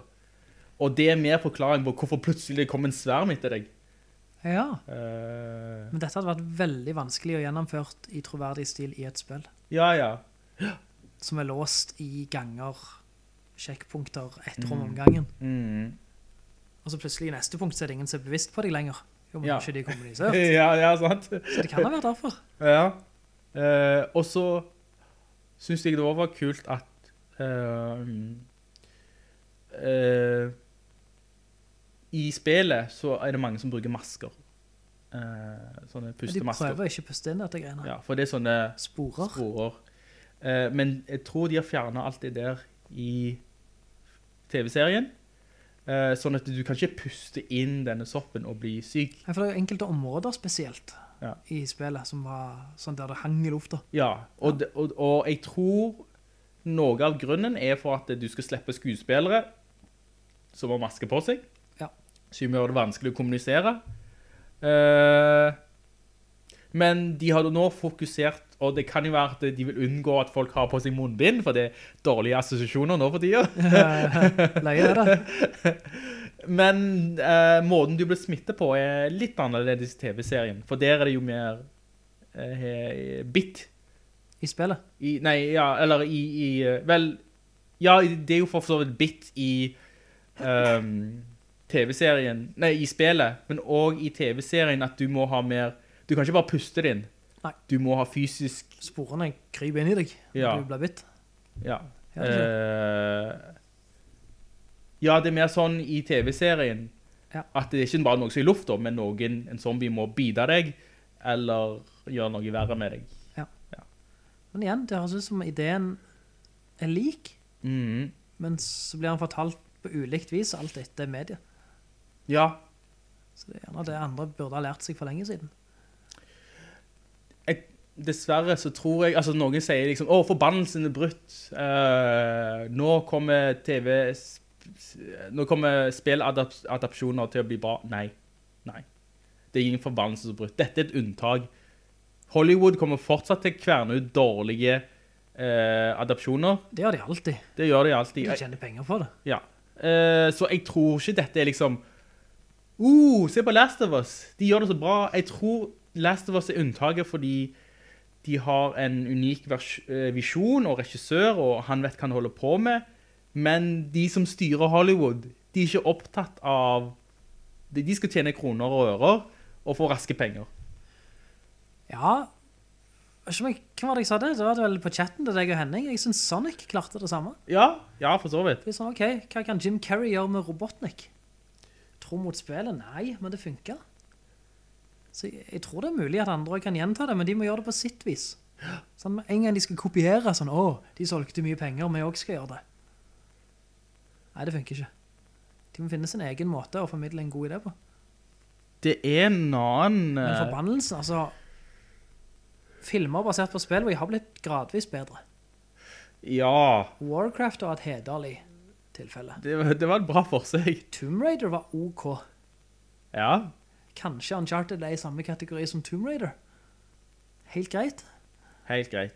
Ja. Ikke horribelt. Ikke Mario-movie. Men Mario-filmen kan bli bra. Den nye Mario-filmen kan bli bra. Så er det en forbannelse som har blitt brutt? Nei, det tror jeg ikke. Vi kommer nok til å gå på trynet. Og The Last of Us er jo et supert unntak. Og det er også et spill som er veldig filmatisk, så alt ligger til rette her. Ja. Det er ja. enkelt. ja, faktisk, du sier noe i det. God of War? Ja, kanskje nå. Det er litt mer sekvens til sekvens historiepreget Ja. regissert opplevelse. Det er, jeg tror det er visse spill som egner seg bedre eh, til å bli filmer og eh, TV-serier enn andre. Ja. Eh, Når vi vokste opp, så var det jo motsatt. Da var det jo filmene som ble TV-spill. veldig dårlige Ja, TV-spill. det er skikkelig dårlige. The Movie, et eller annet. Og så the, the Game. Ja, Du hadde jo Street Fighter, det må vi. The Movie, men du hadde The Game based on The Movie. Med Jean-Claude Van Damme, da. Ja, ja. Nei, det var ræva spill. Jeg tror ikke det var Capcom. Jeg vet ikke. Og jeg bare fant ham i et spill, Han var en dam. Altså, det, det var Street Fighter-spill med- basert på historien i... i filmen, og da hadde de filmet Van Damme, eller noen som lignet på han. Og, i, og så, da, da så jo grafikken mer ut som Mortal Kombat, da. Ja, det har ikke jeg hørt om. Eh, nei, det var dritspill, tror jeg. Eh, og det hadde ikke på... Det hadde ikke mekanikken til Street Fighter-spill. Åh.